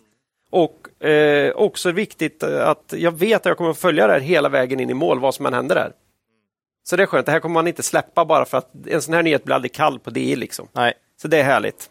Eh, vi vet ju att flera av eh, lyssnarna redan har DI antingen i papper eller digitalt. Eh, men för de som inte har det så erbjuder Dagens Industri fortsatt ett riktigt topperbjudande till alla poddens lyssnare. Man kan få DI digital i tre månader för endast 19 spänn. Det är inte mycket. Och därefter 40% rabatt i 12 månader. Ett sånt här paket extra kostar nu 25 spänn hemma i butiken. Tror Ja, jag. du Mm. ser. Eh, det räcker inte i tre månader. Nej, Nej, inte, inte för mig. Nej. Nej, Nej. Eh, vad får man då? Jo, man får obegränsad tillgång till d.se. Där finns de senaste ekonominyheterna. E-tidningen redan kvällen före. En Jag annan mackafavorit. D-Weekend. Digitalt. Herregud. Samt börstips on the go direkt till mobilen. Kan inte, behöver inte göra något annat än att läsa till nej, slut. Nej. Erbjudandet med kompletta villkor hittar man på d.se slash kvalitetsaktiepodden. Länk finns även i avsnittsbeskrivningen. Missa inte den chansen till eh, att till ett kanonpris testa Dagens Industri direkt i mobilen och i datorn. Tack så vi till vår sponsor Dagens Industri. Nu var det ju det här med lyssnarfråga då. Vi har Ja. hållit på ett bra tag, men nu sa vi att vi skulle göra det, så då gör vi det. Och inte minst för att tävlingen är nu avgjord. Ja. Vi hade ju en tävling här 150, sen har jag haft det lite struligt va. Så att eh, vi missade, eller missade, vi ställde det i förra avsnittet. Nu kommer det. Så är det. Tre vinnare har vi utsett. Och det finns lite olika anledningar. En på grund av fjäsk. Vad fan, kan- var inte det här lotten? Ja, det brukar vara lotten, men Okej. den här gången Fjäsk, ja. fjäsk.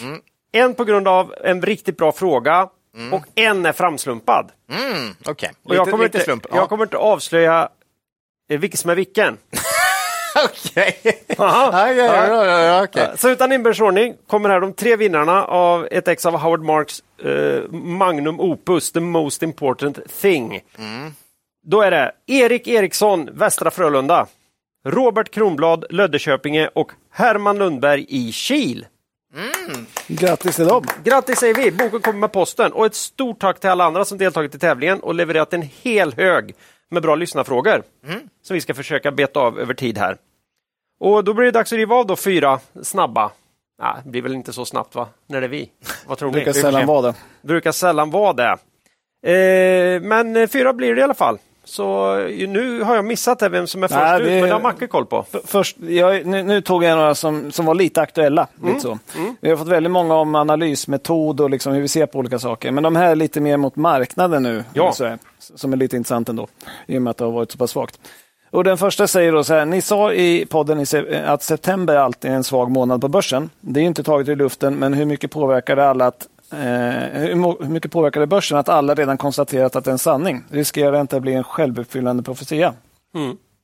Och Det är en ganska intressant område, för i normalt fall så försvinner ju sådana anomalier på börsen på grund av att investerarna utnyttjar det. Så att säga, Ja. om man vet om att det kommer. Eh, rörande september då, svaghet, så skulle man kunna tänka sig att investerarna säljer ner i, i augusti istället. Och att marknaden är så pass lågt värderad när man går in i september att det då blir en kursuppgång. så att säga. Eh, och Det brukar vara så att om alla tror på en sak, då blir det inte så. Ha, det brukar vara så, ja. Precis. Så därför är det svårt att förstå varför det, och det är nu inte alltid, men väldigt ofta är det svagt i september. Om man ska gissa på något eh, orsak då, så skulle det kunna vara att du skiljer av utdelningarna april-maj. Liksom, så de pengarna är borta. Så där man inte, då, utdelningsinvesterare måste vänta till nästan ett år till. Dem. Sen är det ju så att det, det brukar ofta gå upp efter, för, för, marknaden efter sommaren någon gång att oj, liksom, förväntningarna är för höga för året. Ja. Vi kommer nog inte nå det här. Det är bara fem månader, fyra, fem månader Ja, hur ska de kunna nå de här liksom, Ja. prognoserna som vi la i början på året? Eh, och då blir man orolig. Ja. Medan man sen i slutet på året kan säga så här, ah, det där är skitåret. Ja. Nu är det snart ett nytt år igen. Så kan vi se framåt. Man står där på nyårsafton och skålar ändå. Och, eh, härliga, Nu jäklar. 2024, härliga 2024. Ja, nu, nu, nu- kör vi. nu glömmer vi. Nytt år. Och, och tittar man så är det fruktansvärt ofta som, som de här vinstprognoserna är som högst i början på året. Ja. Och så skruvar man ner dem sen löpande. och då, så härligt. Ja. Ja, det är jätte, jag har sett några sådana kurvor. Det är nästan alltid det börjar högt och så blir det liksom lägre och så Ja. är man uppe igen när nästa år Ja, börjar. ja, visst, Liksom. visst, visst, det är härligt. Hoppet är det sista som överger Och det människan. brukar ju vara starkt där runt december, januari, februari alltså, historiskt. Du, du refererar till det berömda tomtenisse-rallyt. Ja. Ja, men jag, jag tror att det finns någonting här. Alltså, det, att det är det här egentligen det beror på. Att, att det liksom, du får den här effekten av att eh, framåt sommaren där så oj, f- nu börjar det bli tufft alltså. Ja, ja. Eh, och så, så har man inte det och, gå tillbaka på. Mm. Medan man i början på, eh, slutet på året kan börja vända blad, Mm. som, som kungen säger. vänder blad. Så, Kära örebroare. men, men, men sen är det väl lite självuppfyllande också. Om, om alla tror att det är svagt Mm. i september så kanske man undviker att köpa just då. För att det är ju inget roligt att köpa om det ska gå ner. Nej. Det är bättre att vänta. Ja. Eh, Så det blir lite självuppfyllande. Det är lite som teknisk analys. Vi har varit inne på det. Att om alla ser samma mönster och agerar på samma mönster så kommer det funka bra. Mm. Så att, ja, vi, som man sa, det kanske är lite självuppfyllande Ja. eh, med, med september. Men, men nu har det sett ut så här så många år så att vi Ja. tänker nog fortsätta tro att det kan fortsätta Ja. också. Eh, f- Och det är därför vi säger att börsen är en vintersport. Mm. Eh, Jättemycket mer avkastning mellan eh, november och april ja, om du kollar. i normalfallet. Ja, i normalfallet. Vissa år sticker ut då såklart, men Jo. i snitt definitivt. Ja. I snitt är det så. Och det var väl vår lilla gissning på varför det kunde vara så. Men han har rätt i frågan. Ja. Det var, det. var ett mycket bra svar. Vi får se om jag kan leverera något här nu då. Eh, Ni får hjälpa till här. Hur ställer ni er till den effektiva marknadshypotesen? Alltså att marknaden är självreglerande och effektiv. Ja, då, då, det är helt meningslöst det vi håller på med. Så det, Ja. den, det, Det, det är ju den de lär ut på universitetet. Ja. Det, det säger de att det är. Eh, då, nej, men kan vi man, då tror, skulle man ju aldrig kunna överavkasta på något sätt heller. Jag vet inte. Eh, Det var ju en rak fråga. Då kan vi säga att vi tror inte på den överhuvudtaget på kort sikt. Nej. nej. Eh, sen är vi väl lite olika mellan oss. Jag tror inte Och på svaret heter SAS. att jag... ja, Nej, men vi, det tittar- ett exempel. vi hade Ja. lite kul här. Eh, på, vi hade en liten fika här på, på förmiddagen och tittade lite på det här eh, Blanche, eh, Planche, Blanche. Vad heter de? Decid, Decennium. Decennio, ja. Som eh, toppade över 12 miljarder I börsvärde för bara, bara något år sedan här. Ja, ett par år sedan. Men det Ja. var ju liksom planscher på väggen för Och nu, 12,5 och, miljarder. nu, och nu är det 100, 100 miljoner. Ja. Eh, och då menar man på att ah, men det där är anomalier, va? det där är bubblor och sånt. Mm. Men är inte det en Ja. del av... Alltså inte det en del av marknaden och vad är det som säger att inte det är fullt av små bubblor precis överallt hela tiden? Ja, det, alltså, det är det. Problemet är ju att massor av människor som håller på med det här tycker själva det är skitsvårt att, att hitta bra grejer på börsen. Så är det ju jätteskönt att ha det här som en snuttefilt att luta sig mot. Jämför det med folk, alltså jätteduktiga fysiker och sådär som måste hitta en, en, deras teori om hur kan vi finnas i ett oändligt universum. Ja, men Einstein var ju också tvungen att hitta på krökta, krökta rummet och sen kunde han gå vidare i livet, annars blir du väl galen? Jag vet inte. Jag tror att anledningen till att den här får finnas kvar och är så spridd är närmare där än att den skulle ha någon som helst, någon som helst relevans. Jag tror inte på den. All information, tillgänglig information finns där ute, Ja, men men alla värderas tolkar det på olika sätt Ja. och värderar den på olika sätt. Och dessutom är, är människor oroliga också i flock. Man, Mm. alltså, psykologin är så stark så det här med att man drar ut trender både uppåt och neråt alldeles för långt, det är ju, så är det ju bara. Så det, blir inte, det är inte någon effektiv Nej. marknad. Människan är inte effektiv hela tiden. Nej, och det är framförallt ett annat ord. Som hela teorin går ut på att det är en rationell investerare. Ja, det är ju det. Eh, Hela teorin baseras Ja. på att alla människor är rationella. Rationella och gör rationella ekonomiska beslut. The och economic man. Och det tror vi ju inte ett smack Nej. på. För det, Och det har ju visats alla de här eh, psykologiska fallgroparna som man har, vi har gått igenom i andra poddar och sånt. Människan är inte rationell när det gäller ekonomiska saker. Nej. Och därmed faller hela teorin. Och Det är helt obegripligt att man fortsätter trycka ut det på alla studenter på universiteten. ja. Men man har väl inget bättre att komma med, eh, antar jag. Nej, viss, viss vetenskap alltså. Det, är, ja, det är riktigt spännande. Sen, Nej, jag vet jag inte om, säga, sen är det bra, tycker vi. Ja. Att det är så här, för annars kan vi ju lika gärna köra om- indexfond och spela om golf. liksom. Bolag hade varit rätt värderade vid val, varje tidpunkt. Jag, jag vet inte. Eh, mm, hur skulle det... Ja, då får vi göra något annat. Ja, då får vi göra något men det annat. finns väl ingen där ute som riktigt tror på det. här. Men för att säga, men vad, vad känner vi för det? här? Jo, vi känner ju... Ja, men för frågan då, alltså den större frågan. Finns det felprissättningar? Ja. Kommer de kunna vara i evig tid? Normal, nej. Nej. Nej, det är för Nej. nej. Förr eller senare så brukar ju ändå någon slags common sense infinna sig. Över tid. över tid. Och ibland kan det vara utan att bolaget fullständigt behöver dratta på ändan utan det bara liksom gafflar in sig med tiden. Och ibland blir det ju så bara för att bolaget mer eller mindre ska till noll eller blir utköpt för att det håller inte längre. Och så här. Vi- vi tycker vi har några exempel som vi tagit upp här Ja. just idag på Ja. just det här. Så, så jo, med tiden så bör ju ett bolag, eller vi upplever att ett bolag närmar sig sitt eh, ja, inneboende värde eller vad vi ska kalla det. Men, men det kan ta väldigt lång tid. Alltså i den här räntemiljön och så här vi haft Ja, nu. det alltså, är ju också- grejer, det är ju grejer som till man det. Ja. får vara vansinnigt galna. Vansinnigt galna. Och under väldigt lång och, tid. Och var jag, var jag rädd för att liksom korta positioner förr. Mm. Nu har man ju liksom sett grejer man bara, det här är så dumt. Så det finns inte, och så har det dubblats därifrån. Ja, ja. Det är smärtsamt om man går kort nu. Mm. Så där gäller det att vänta och se att skiten har börjat... Man eller också- skiten, det är inte bolaget är fel på. Det, det gäller att vänta och se att den galna prissättningen har börjat korrigeras rejält innan man vågar gå in. Man har också sett många Mm. exempel på bolag som haft P10, 11, 12 under sju år. Jättefin Mm. Ja. historik och sen helt plötsligt på två, tre år så går det upp till P18. Mm. Och sen handlas det P18 i 10. Alltså, Det är som att det finns det, men det händer inte direkt. Men någon gång så kommer ju historiken i fatt börsen. Mm. Både uppåt och neråt. Och det är vår tro ibland eh, snuttefilt Ja. kan man säga om man, om man ligger fel i ett case. Så Ja. länge bolaget utvecklas i rätt riktning så kommer det till slut ordna sig med kursen. Sen blir det ju alltid bättre och sämre år för alla bolag. Men, det, och, men, men är det i grunden ett bra bolag, då, då, då kommer de tillbaks till det där. Liksom. Ja. Eh, Så är det. Men, ja. Nej, men det är väl... Det, jag tror det är jättebra för många att de tror på det här.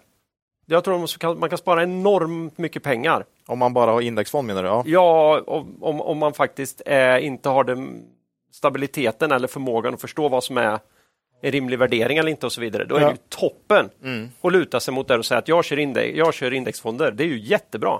Så på det sättet är den väl kanon då. Men det kan ju religion och så också vara. Jag vet inte. Det är... Men, men, men vi tror inte på den ändå. Nej, vi tror Även om inte den på kan den vara bra för vissa. Nej. Mm. Eh, så Det det var är väl så. ett svar. Ja. Eh, vi tror inte på det där. Ola va? ja, just det. Jag har två frågor här då. Eh, för, som vi avslutar den här delen då. Eh, första, de stora bolagen har ju gått väldigt mycket starkare än de mindre bolagen under en tid. Finns det dock inte en oro att en allmän sur börs drar med sig redan billiga aktier ännu längre ner oavsett kvalitet på bolaget? Jo, men jag, har vi inte haft uppe det här i Jo, vi podden? har pratat om det. Vi har tangerat det. någon gång att liksom, ja och det är framförallt small cap, mid cap som har tappat mycket nu då. Jo. Eh, index är ju, Det ser inte så farligt nej det ser absolut inte så farligt ut. Så vad händer då om index ska ner 30 procent här? Ja. Det, det är den. Mm.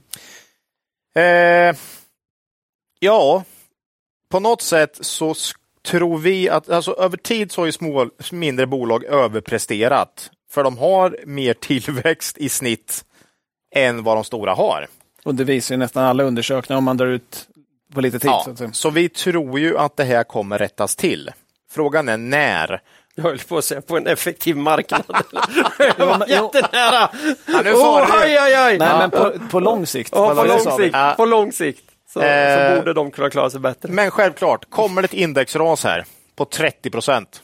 Det är ingen som kan lura i mig att midcap och smallcap-bolagen kommer vara oberörda bara Nej. för att de har tappat redan innan. Det är ju klart som fanken de ska ner Ja, i ja, så ja. fall. Billigt kan bli billigare. Och det Ja. finns ot- ofta otroligt lite kärlek och starka händer där. Ja, eh, så ja, och vad gör man? Vi har faktiskt en del likviditet. Eh, det är ju inte smart över tid.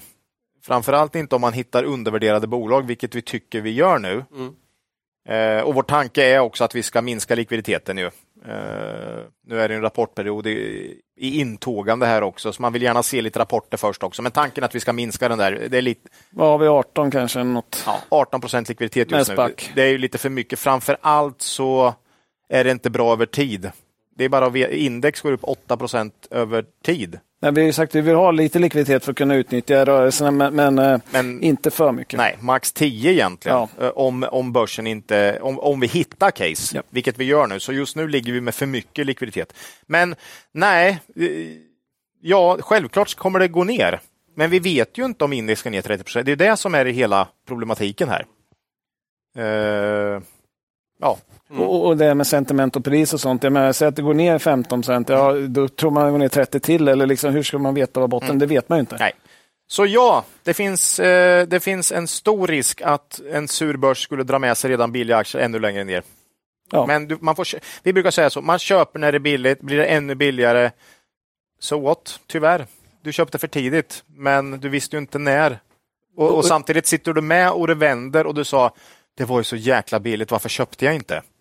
Hade du rätt i caset så Ja. kommer det ordna sig. Så kommer det ordna sig. Men du kan ju vara back 20 procent initialt. Det... Och, och du måste se till att bolaget har en bra balansräkning så ni klarar att vänta Ja, precis. utan att bli utspädd på en emission på botten. Ja, Det är exakt. jätteviktigt. precis. Exakt. Eh, Sista frågan här då. Spelar tiden någon roll för er, er i val av bolag? Och hur märks det i så fall i ert agerande? Låt oss säga att ni har margin of safety på 30 procent för 2023, alltså vinst 2023 i ett bolag och 35 procent margin of safety i ett annat bolag för 2024. Vilket bolag väljer, väljer ni och varför? Ja, det är inte riktigt så lätt att margin of safety är det som det är en del Japp. i det vi gör när vi väljer vilka aktier vi ska äga. Ju. En ganska viktig del, men det är oerhört många mjuka faktorer också. Och eh, Ja, bolagsnamnet har en, kommer tidigt i alfabetet till exempel. Det verkar vara.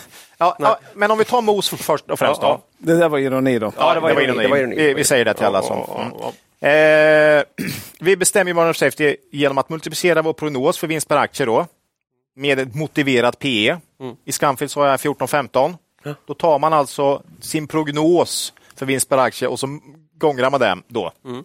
Och då får man en, en margin of safety då. En motiverad kurs. som En motiverad kurs och så jämför du med dagskurs och så får du en margin of safety. Ja. Vad Eh, är det andra? När det är åt andra hållet, Morgan of Terror? Eller? Margin of terror, ja precis. Mm. Eh, och här brukar vi ofta göra en kortare som, som, som då tar vinsten kommande fyra kvartal då. Eh, och sen en lite mer långsiktig då som tar en långsiktig snittmarginal så vi inte hamnar i det här att ja nu ja.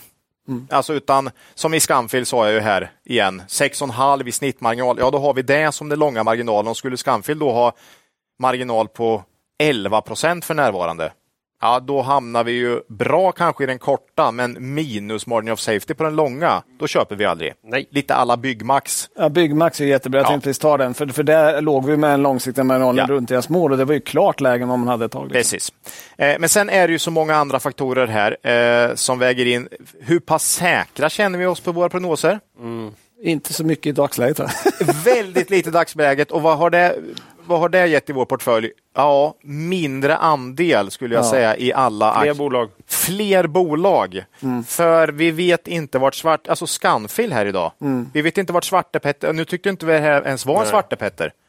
Så, så det är oerhört svårt att veta vinstutveckling, ännu svårare att veta kursutveckling. Så- alltså, så eh, väldigt svårt. Eh, det är också så, vilka andra aktier äger vi? Viktigt såklart. Nej, men liksom, om vi har fem bolag i en sektor och vi hittar margin of safety på det sjätte som är mycket högre än ett i en annan sektor, ja då kan vi välja det andra. Liksom. Ja, för vi vill inte ha allt i en sektor. Nej. För vi vill minimera risken. Precis. Eh, och politisk risk, ja det försöker vi för sig väga in i P tal då. Men eh, vinsttillväxt, också viktigt. Det är ju också lite jobbigt för tillfället. Väldigt få bolag där man känner sig riktigt säker på stark vinsttillväxt kommande år. Nästan inga just nu. Nej. Så den är ju väldigt svår just nu. Men eh, vi lägger generellt, ska man försöka svara här något, så lägger vi generellt lite mer vikt vid den kortsiktiga margin of safety. Men den långa får ju liksom inte vara dålig. För då Nej. kan det ju helt plötsligt bli så att oj, nu ska, nu ska marginalen ner här till snittmarginalen och då tappar du hela. Så att... Eh, Nu, nu var han ju lite för snäll här, eh, eller hen. För jag Hen. Vet inte. Nej, ingen aning. Nej, ingen aning. Nej. Men liksom 30-35, alltså det som är jobbigt nu är att det kan vara 20, i samma bolag kan du ha 20 för 2023 och 100. Mm, precis. Den är ju, det är ju då det börjar bli jobbigt, eller så har du ett annat bolag då där du har 40-40. Ja. Så hur värderar man 2000 mot, mot 4040? Ja, 4040 gillar jag. Ja, eh, ja, men det är det jag vill mm. komma till. Då kommer vi ta 4040, för ja, då tycker ofta. vi att den här hundringen där, det, en, det, det, känns, det känns för bra för att vara... Ja, eller så har du byggmax-caset, ja. 50 Tre. Mm. 50 på ett år, tre på lång för du tror att marginalen ska tillbaka till det historiska snittet. Ja, när den var som, verk- ja. var som högst. Ja. ja. Så, så, det kan Kanske vara alla håll. Men du, ja, inte just nu är det inte så. Utan det, nu helst om... gillar man ju när både kort och lång margin of safety är på bra nivåer. Mm. Uh, för då i närtid ser det undervärderat ut.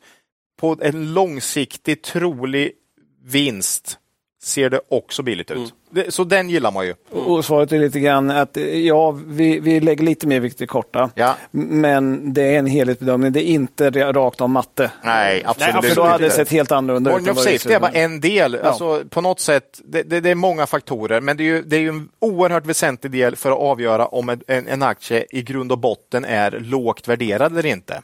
Och, och Det är lite det här som är problemet när folk frågar många gånger, för de vill kunna räkna ut eller screena ut och så köper man bara det man får svaret på. Mm. Ja. Och Det är ju tyvärr inte riktigt så lätt, utan det är ju massor med bedömningar som går Ja, på ha- erfarenheten. Hade, liksom. hade du bara kollat på, vad, har vi för bolag? Eh, men kollar man bara på Betsson på börsdata, du vet inte vilken bransch det är. Ingenting. Då hade deras historik kanske motiverat P22. Är Vi har, högre vi har liksom långt under det i vårt motiverade PE. Va, liksom, på grund av politiska risker. Alltså liksom, du, du måste alltid fundera på det finns så många andra grejer. Ja. Mm. Och det är tyvärr det tråkiga svaret att det finns mycket mer faktorer än att bara titta rent matematiskt. Ja. Så. Så är det. Så att Sen tror jag man kan komma hyggligt långt genom att bara screena billiga, bo- fina bolag och, och, och köra. framför, framförallt undvika alla dåliga bolag. Eh, Framförallt undvika alla dåliga. Mm, precis. Ja, Ja.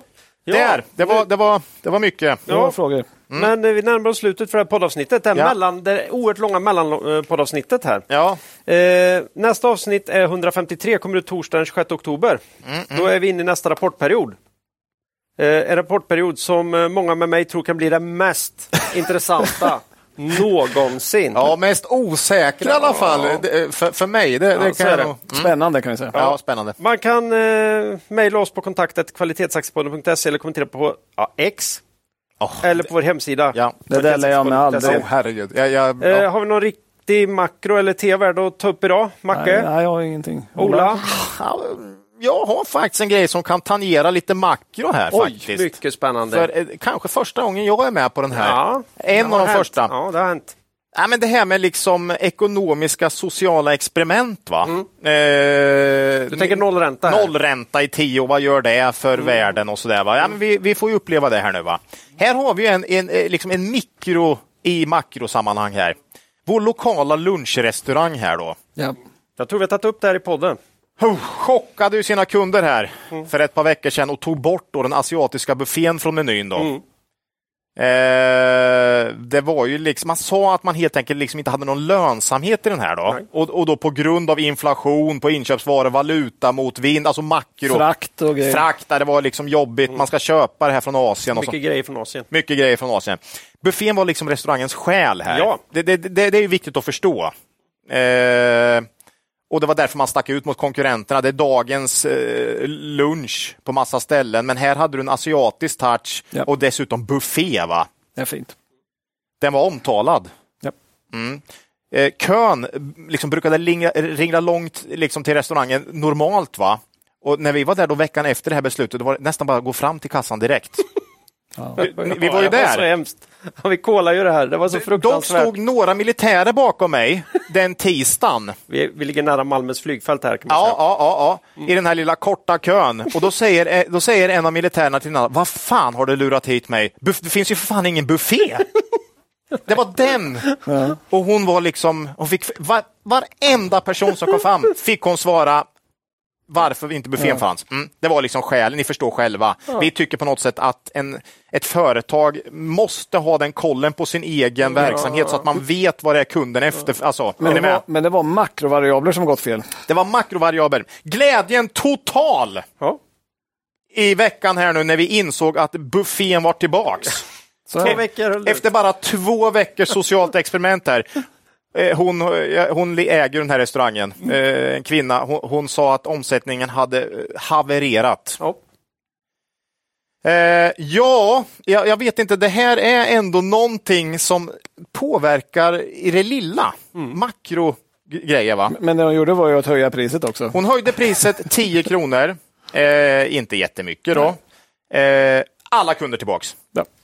Lite förändringar i utbudet men fortfarande en bra buffé. Eh, ja, nej, alltså jag hoppas bara att hon får lönsamhet i det här nu för det här är liksom själen i den restaurangen. Ja. Hittar hon inte lönsamhet, ja, hon måste gå alltså. Ja. Men vi är väldigt glada att buffén är tillbaks.